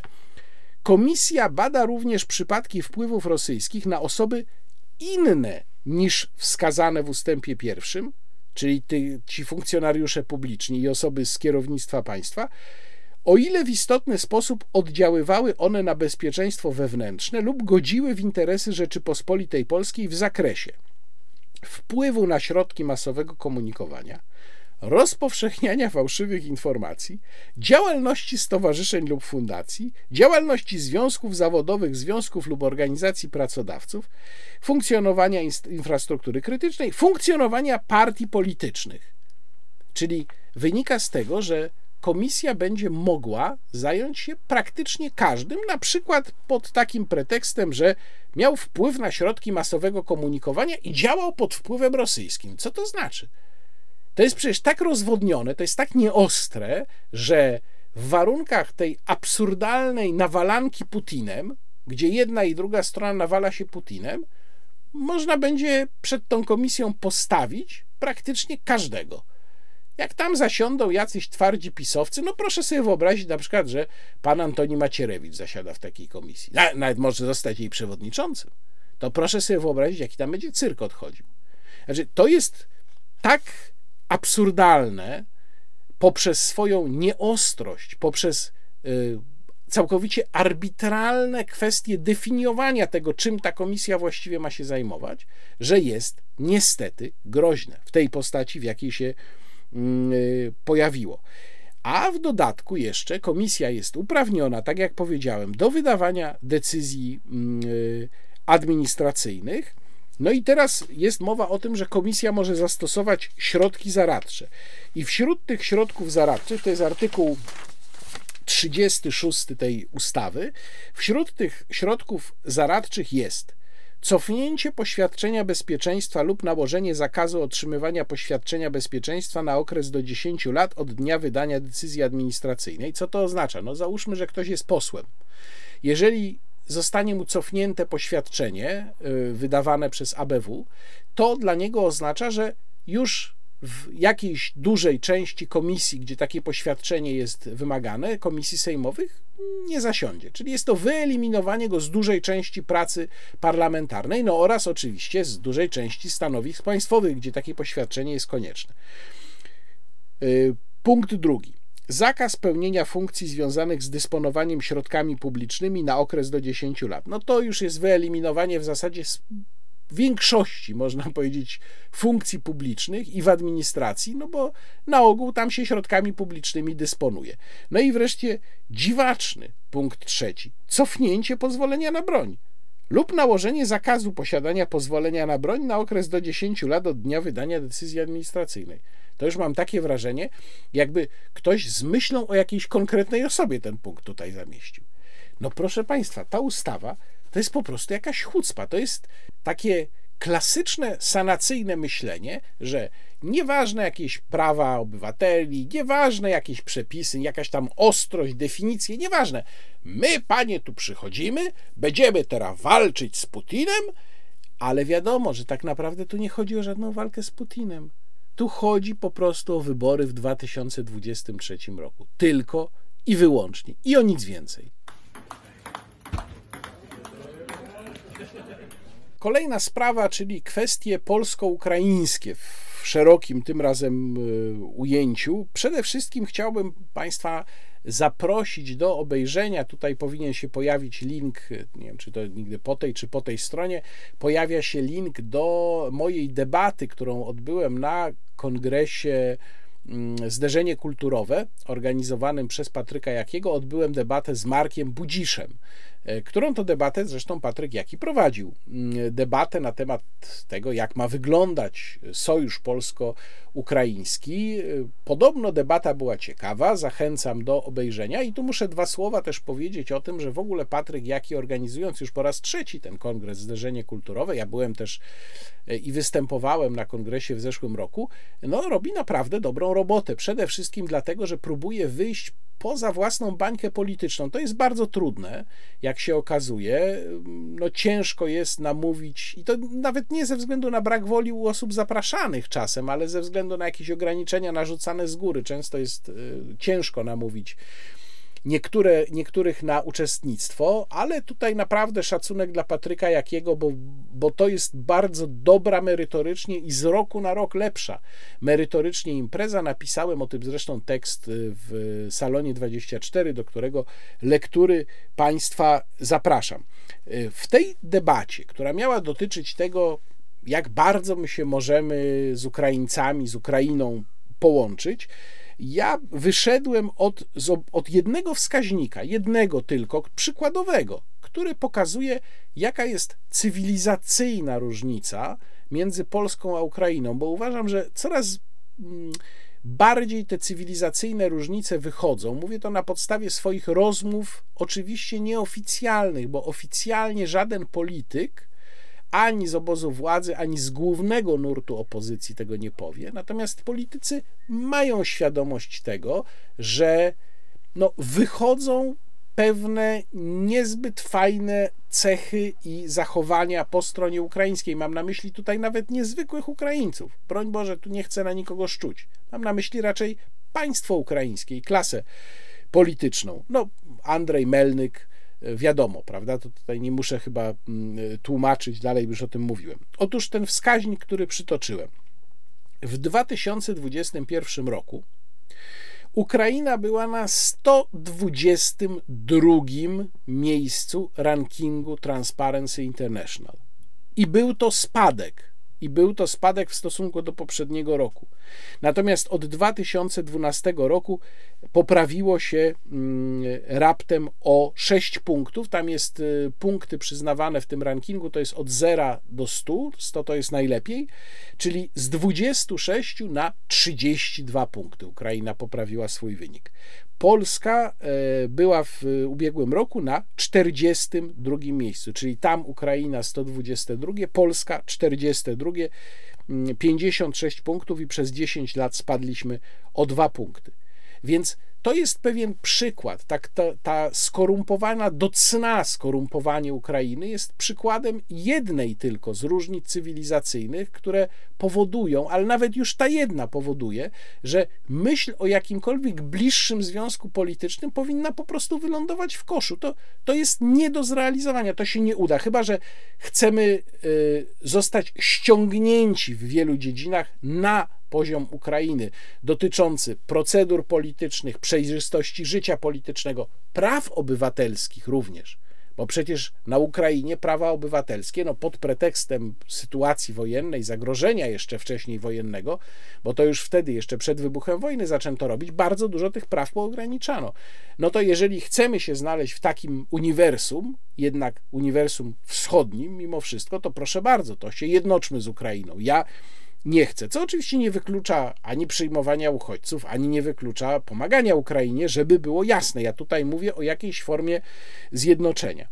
Y, polecam też Państwu obejrzenie y, debaty Fundacji Wspólnota i Pamięć. To jest taka bardzo zacna, młoda fundacja kierowana przez Pawła Zdzierskiego, e, która, której główną akcją jest e, Wołyń na Powązki, czyli postulat wybudowania pomnika ofiar e, rzezi wołyńskiej na Powązkach właśnie. I dyskutowaliśmy niedawno w ramach takiego cyklu debat tej fundacji dyskutowaliśmy z księdzem Tadeuszem Isakowiczem Zaleskim i doktorem Krzysztofem Kawęckim o tym właśnie, jaką rolę w relacjach polsko-ukraińskich kwestia wołyńska powinna odgrywać. Myślę, że debata ciekawa o tyle, że nie do końca oczywista. Te wnioski powinny i różne punkty widzenia powinny Państwa, jak sądzę, zainteresować, więc również zamieszczam link znów tutaj albo tutaj do e, całości tej debaty.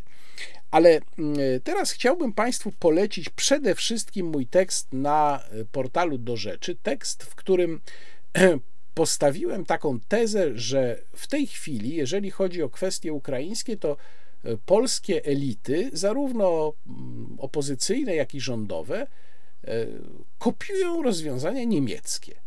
O co chodzi? Już wyjaśniam. Otóż w 2018 roku odbyłem wraz z grupą polskich dziennikarzy taką bardzo ciekawą i naprawdę kształcącą podróż studyjną po kilku niemieckich miastach i tam spotykaliśmy się z przedstawicielami mediów. Naprawdę bardzo ciekawa podróż. Potem zresztą tam y, Samuel Pereira pisał, że y, Warzecha, Niemcy zaprosili Warzechę na wycieczkę i dlatego pisze to, co pisze. Y, taki koloryt Pereirowy typowy. Natomiast ciekawie się to wszystko obróciło, no bo no i tu muszę Państwu opowiedzieć trochę więcej również o tej podróży. Ale myślę, że to jest ciekawe. Otóż w październiku 2018 roku jechaliśmy sobie mm, pociągiem z grupą właśnie dziennikarzy i naszym przewodnikiem, pilotem jechaliśmy sobie z Moguncji do Kolonii. No jak Państwo byli w Kolonii, to wiedzą Państwo, wjeżdża się na dworzec, który jest położony tuż, tuż obok katedry, która była budowana zresztą przez kilkaset lat. No i mm, okazało się, że pociąg y, musiał jechać objazdem. Jechał objazdem zresztą przez przepiękną Dolinę Renu. Nie jechał takim najszybszym torem, tylko właśnie trochę dookoła, i w zasadzie to dobrze, że jechał trochę dookoła, bo dzięki temu byliśmy chyba pierwszym pociągiem, któremu pozwolono po długiej przerwie i zamknięciu dworca w kolonii przez policję wjechać na ten dworzec. Dlaczego dworzec był zamknięty? Otóż tam wtedy doszło do takiej sytuacji, że na dworcu pojawił się Syryjczyk, imigrant z Syrii, mm, który wziął zakładniczki. To były dwie kobiety, właściwie dziewczynka 14-letnia i kobieta, jakaś starsza trochę. Mm, gdzieś tam chyba to było w, jakimś, w jakiejś aptece, zdaje się, on je przetrzymywał, w, w tym kompleksie lokali usługowych i handlowych dworca w kolonii. No i niestety tę czternastolatkę oblał substancją łatwopalną, podpalił. Ona chyba przeżyła z tego co pamiętam, no ale była poważnie poparzona. Drugą zakładniczkę już odbiła policja z jakimiś lekkimi tylko urazami, więc miała kobieta szczęście. No i ten przypadek spowodował, że po pierwsze, to dobrze pamiętam, musieliśmy z naszymi walizkami iść dosyć okrężną drogą do hotelu, bo najbliższe hotelowi wyjście z dworca było zamknięte przez policję, ale też natychmiast e, przypomniało nam to o wydarzeniach w kolonii z roku 2015, przełom 2015 i 2016. Być może Państwo już tego nie pamiętają, ale to wtedy tam na placu w kolonii w Sylwestra miały miejsce no, zbiorowe molestowania seksualne, a nawet gwałty dokonywane właśnie przez mm, migrantów na Niemkach. I to była taka bardzo głośna historia, a głośna była no, raz z powodu drastyczności tych wydarzeń, ale dwa z powodu zachowania niemieckich mediów. I to był wtedy dla nas w czasie tej podróży studyjnej temat. Dlatego też obserwowaliśmy bardzo uważnie sytuację z tym syryjskim zamachowcem, bo byliśmy ciekawi, czy media niemieckie podadzą jego narodowość. Bo wtedy, właśnie po tej sytuacji w kolonii, media niemieckie no, powstrzymywały się i w ogóle z opisaniem tej sprawy, a potem z opisaniem, że tam winni byli właśnie ci migranci. Y, sprawdzaliśmy te wiadomości, pamiętam jeszcze w tym pociągu z Moguncji do Kolonii. Okazało się, że polskie media wcześniej podały informację, że to był Syryjczyk, niż niemieckie, ale niemieckie w końcu też podały. I tak się składa, że siedziba jednej z największych stacji y, radiowych niemieckich, które, mm, która obejmuje swoim zasięgiem całe południowe Niemcy, Westdeutscher Rundfunk, mieści się no to jest dosłownie chyba ze 100, może 150 metrów od tego placu przed katedrą w Kolonii, czyli 2-3 minuty piechotą. I ta rozgłośnia też nie podała w Sylwestra 2015 roku tej informacji, że co się tam wydarzyło i kto był sprawcą. I myśmy wtedy, jako polscy dziennikarze, właściwie we wszystkich miejscach, gdzie byliśmy, pytaliśmy tych dziennikarzy niemieckich, dlaczego wyście się tak zachowywali. I oni mówili, no, mamy taką sytuację społeczną w Niemczech, jaką mamy, mamy tych migrantów, są napięcia, musimy się trochę cenzurować. No, póki nie mamy pewności co do narodowości, ale również nie mamy pewności, że ta narodowość miała jakieś znaczenie dla sprawy, to raczej no takie mieliśmy przynajmniej zasady, mówili nam ci dziennikarze, żeby nie podawać. No ale teraz to sami mamy wątpliwości, bo ta historia, zwłaszcza z kolonii, naruszyła bardzo mocno naszą wiarygodność. Ludzie przestali wierzyć publicznym mediom, no więc w zasadzie teraz to byśmy podawali już te, i, zresztą media prywatne się z tego bardziej wyłamują nawet niż państwowe. No i myśmy tam mieli takie stanowisko, że to nie jest w porządku, bo media powinny po prostu mówić prawdę. Ale z drugiej strony, ja o tym zresztą pisałem po powrocie z Niemiec, no jest też jakaś racja w tym tłumaczeniu. Natomiast jednak byłem i pozostaję krytyczny wobec takiej postawy. I dlaczego ja teraz Państwu to wszystko opowiadam o tej swojej podróży sprzed, sprzed ponad już czterech lat do Niemiec? Bo przecież jak spojrzymy, co się dzieje w kwestii relacji polsko-ukraińskich, to nagle się okazuje, że polskie media i środowiska, które wtedy w czambu potępiały media niemieckie, dokładnie kopiują tę metodę. Mamy dokładnie to samo. Przecież opowiadałem Państwu w poprzednim wideoblogu o wywiadzie Grzegorza Sroczyńskiego z panem doktorem Sadurą, e, Przemysławem Sadurą, który przeprowadzał te badania z, w ramach projektu krytyki politycznej wspólnie z, e, ze Sławomirem Sierakowskim i mówił, opowiadając o tych badaniach, mówił w tym wywiadzie w Gazecie Wyborczej, czy na gazeta.pl właściwie, mówił, że pewna instytucja zamówiła badania dotyczące stosunku Polaków do Ukraińców i wyszły tak słabo, że nie zdecydowała się ich opublikować. No to przecież to jest powielenie tych niemieckich metod. To jest dokładnie to. Czyli mamy wprowadzaną cenzurę w imię zachowania pewnego spokoju społecznego, niewzbudzania niepokojów. No to przepraszam, czym to się różni od tego, co robili wtedy, te kilka lat temu Niemcy? Niczym, kompletnie niczym. Teraz jeszcze parę słów na temat sondaży, właśnie, bo widziałem, że osoby, które są zwolennikami kontynuowania tej no chciałbym powiedzieć tutaj wilkomen politik, prawda, ale też przypominam, że ja e, nie jestem przeciwnikiem przyjmowania uchodźców. My rozmawiamy o tym, w jaki sposób ich przyjmować. Nie o tym, czy ich przyjmować. No przynajmniej ja nie stawiam i nie stawiałem nigdy takiej tezy, że nie należy przyjmować uchodźców. Jest kwestia, jak ich przyjmować, co im dawać tutaj w Polsce. Otóż yy, zwolennicy rządowej linii bardzo ekscytowali się takim sondażem, czwartym w serii. To są sondaże chyba, sondaże chyba jeżeli dobrze pamiętam, y, ośrodka Ipsos, który przeprowadza regularnie badanie stosunku Polaków do rosyjskiej agresji na Ukrainę. No i była taka ekscytacja, że 71% jest za przyjmowaniem uchodźców z Ukrainy. Nawiasem mówiąc, najmniej od początku, od kiedy ten sondaż zaczął być przeprowadzany, bo wartości, które się pojawiały, to było 72% na początku wojny, potem po tam dosyć krótkim czasie wzrosło do 88, potem 79, no teraz jest już tylko 71, czyli to jest tylko 71. Ale przecież ten sondaż i pytanie dotyczy przyjmowania uchodźców. Gdyby mnie zadano takie pytanie, czy mamy przyjmować uchodźców z Ukrainy, to bym odpowiedział tak, oczywiście. Też byłbym wśród tych 71%. Jasne, że mamy przyjmować. Bo, bo pytanie nie jest, czy mamy przyjmować. Mamy obowiązek przyjmować uchodźców. Pytanie jest, jak mamy ich przyjmować i co mamy im tutaj dawać. A to jest zupełnie inne pytanie.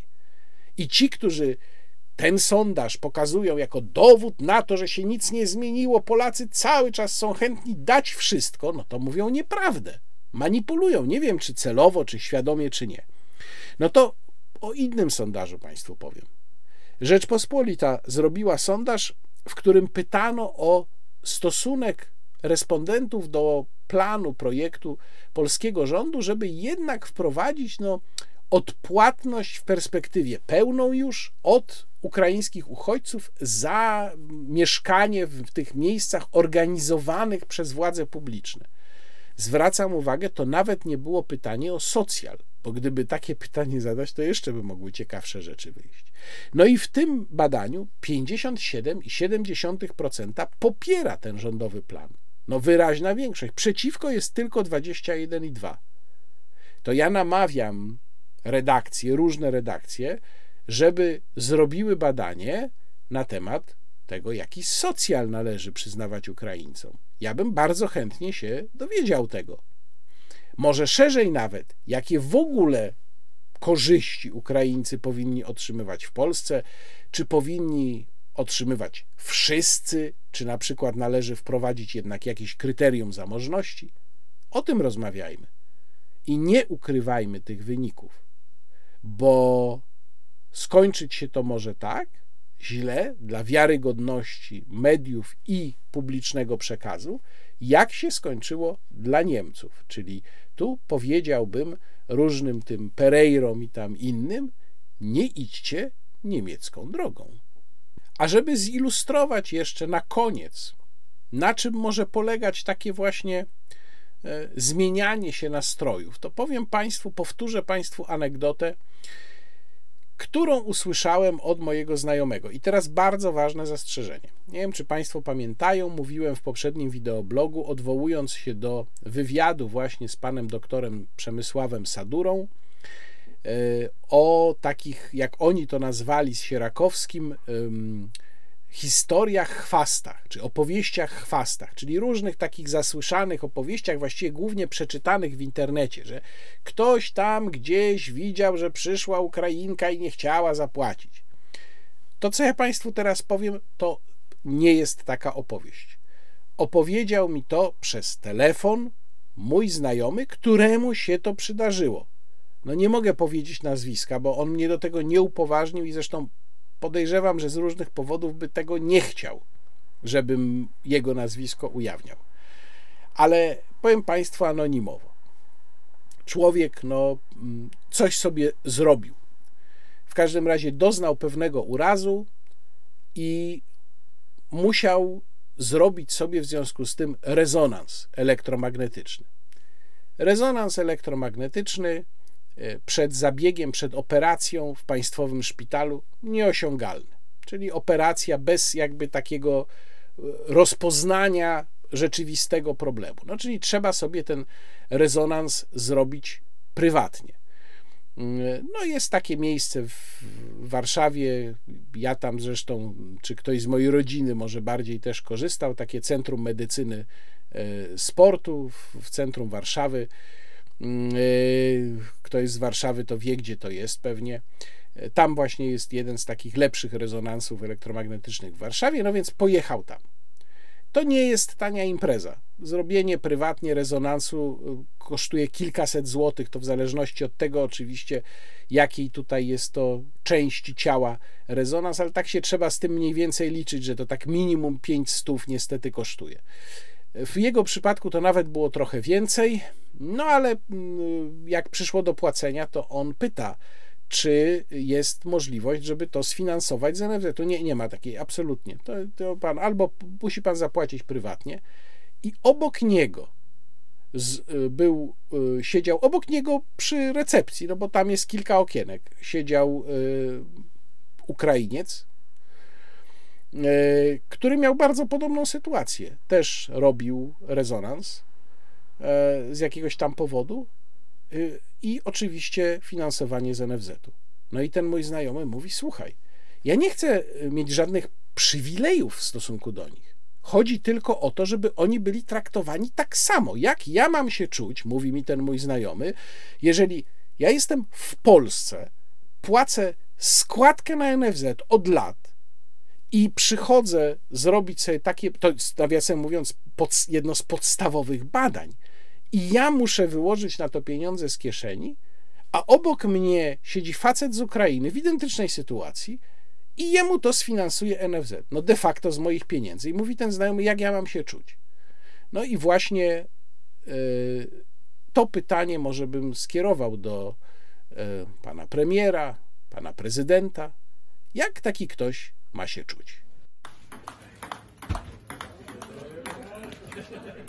I teraz przechodzę już do części mm, kulturalnej, ale zacznę od trochę, trochę czegoś innego niż zwykle w tej części, bo chciałbym Państwu polecić e, film dokumentalny Wszystkie maski Kremla. Film dokumentalny zrealizowany przez y, telewizję PCH PH24.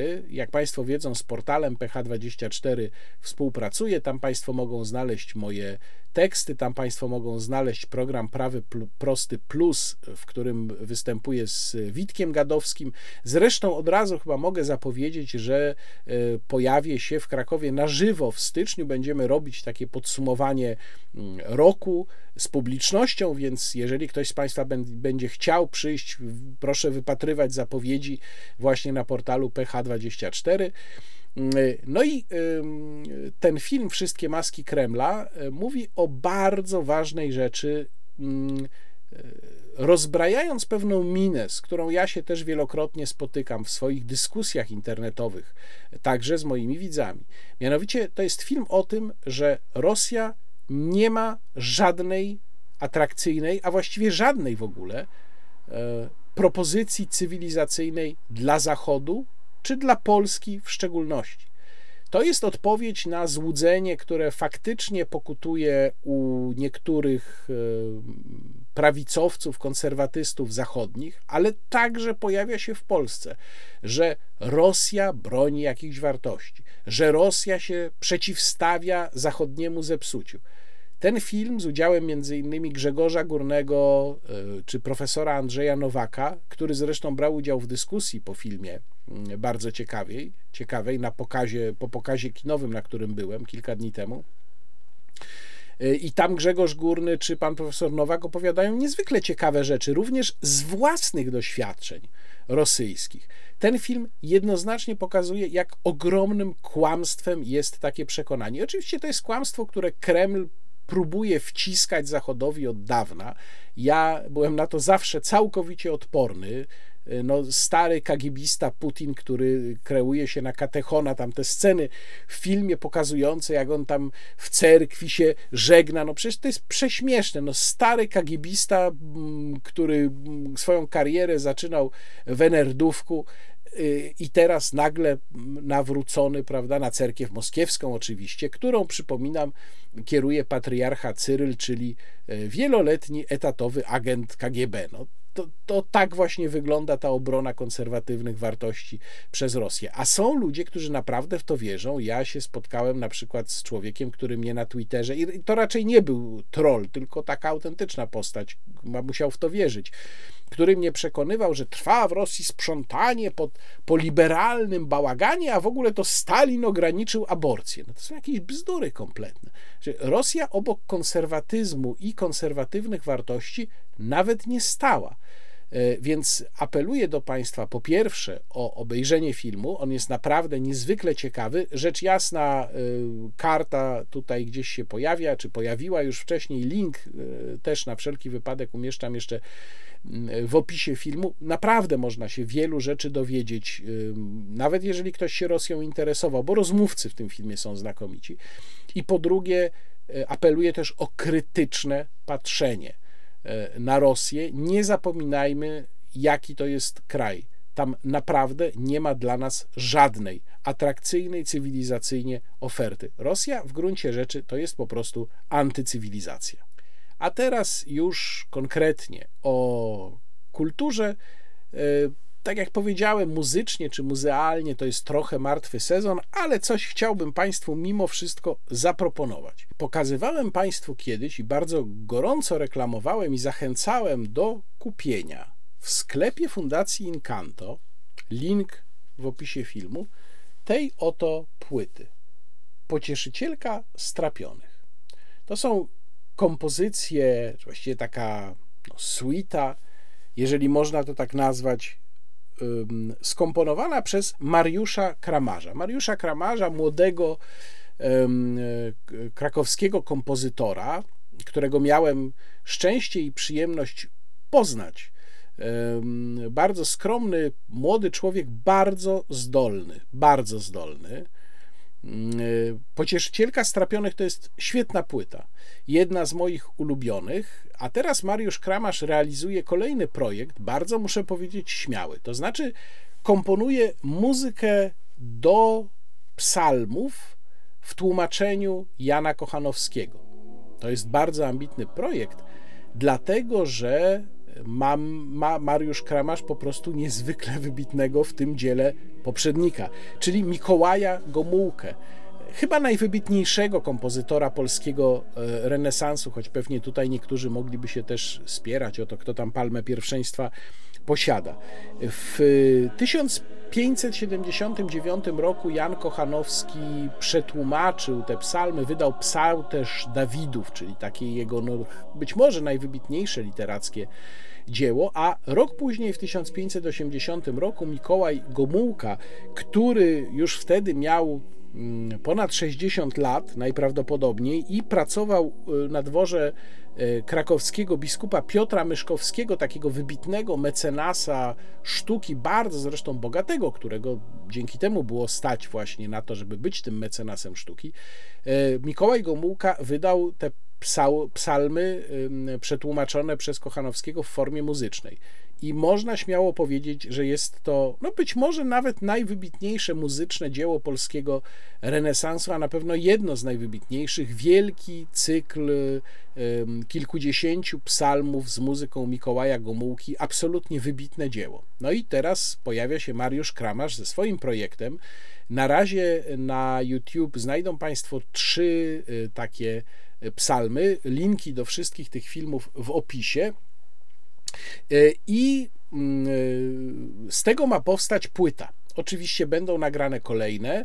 Wykonują, wykonuje te psalmy chór Bazyliki Grobu Bożego w e, Miechowie. Ale ja myślę, że Mariusz Kramasz nie musi się obawiać porównywania, zestawiania ze swoim e, wybitnym poprzednikiem Mikołajem Gomułką, bo to są zupełnie inne kompozycje. I tutaj e, właśnie siła kompozycji Mariusza Kramarza się objawia w pełni, bo to jest artysta, tak jak powiedziałem, młody artysta, który pokazuje, jaka może być sztuka dzisiejsza, współczesna, nawiązująca do tradycyjnych wartości. To nie jest muzyka naśladująca muzykę renesansu czy baroku, ale bardzo mocno z niej czerpiąca.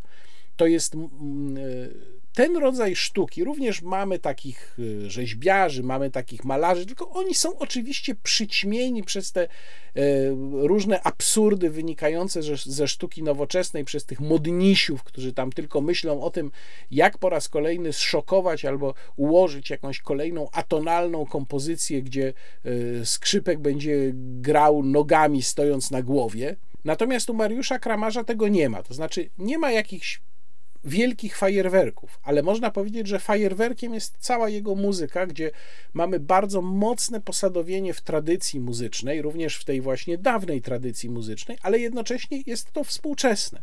To jest współczesne w taki mądry, zrównoważony sposób. Posłuchają Państwo tych psalmów y, z tekstem Jana Kochanowskiego, y, skomponowanych przez Mariusza Kramarza, to myślę, że zobaczą Państwo doskonale o co mi chodzi. Oczywiście namawiam też do kupienia w sklepie Fundacji Incanto płyty Pocieszycielka Strapionych. I ja bardzo mocno czekam na tę następną płytę z kompozycjami Mariusza Kramarza. Y, w sklepie również w ogóle bardzo duży wybór płyt. Więc namawiam do tego, żeby tam kupować, no bo to też wspiera Fundację Incanto. I właśnie na koniec chciałem mm, powiedzieć, że e, jeżeli chodzi o Fundację Incanto, której, jak Państwo pewnie doskonale wiedzą, jestem ambasadorem, to fundacja wprowadziła możliwość zostania patronem, stałym patronem, stałym wspierającym festiwalu Rezonanse.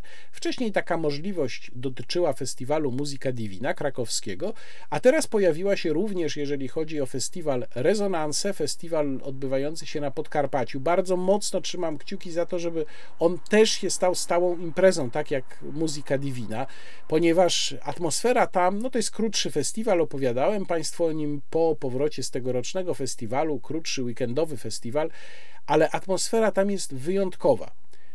Y, mm, koncerty odbywające się w tych y, barokowych albo nawet y, renesansowych, drewnianych świątyniach na Podkarpaciu to jest coś, coś, czego się nie da opowiedzieć. Ja szczęśliwie mam nagrania z ostatniego festiwalu Rezonanse, więc sobie tego słucham i przypominam sobie te genialne koncerty z prawdziwym, głębokim wzruszeniem, bo jednak nagranie koncertowe no to jest coś wyjątkowego, zwłaszcza jak się było na tym koncercie.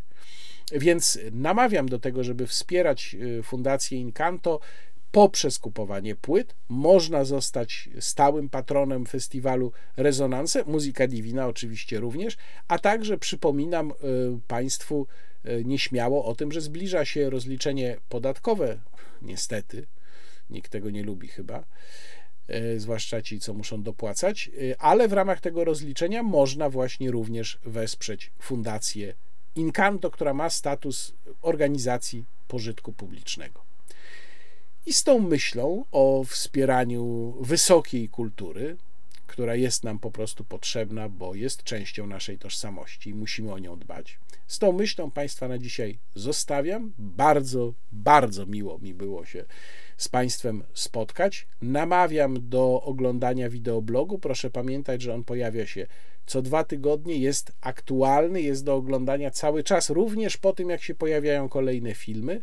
Bardzo proszę o subskrypcję, o polubienia i komentarze. Wszystko to pomaga pozycjonować kanał, bardzo mocno pomaga i bardzo nisko kłaniam się wszystkim mecenasom, którzy powodują, że kanał może działać. No bez Państwa po prostu nie dałoby się tego zrobić. Nie mógłbym tej pracy wykonywać, a przynajmniej w takim zakresie, w jakim to robię.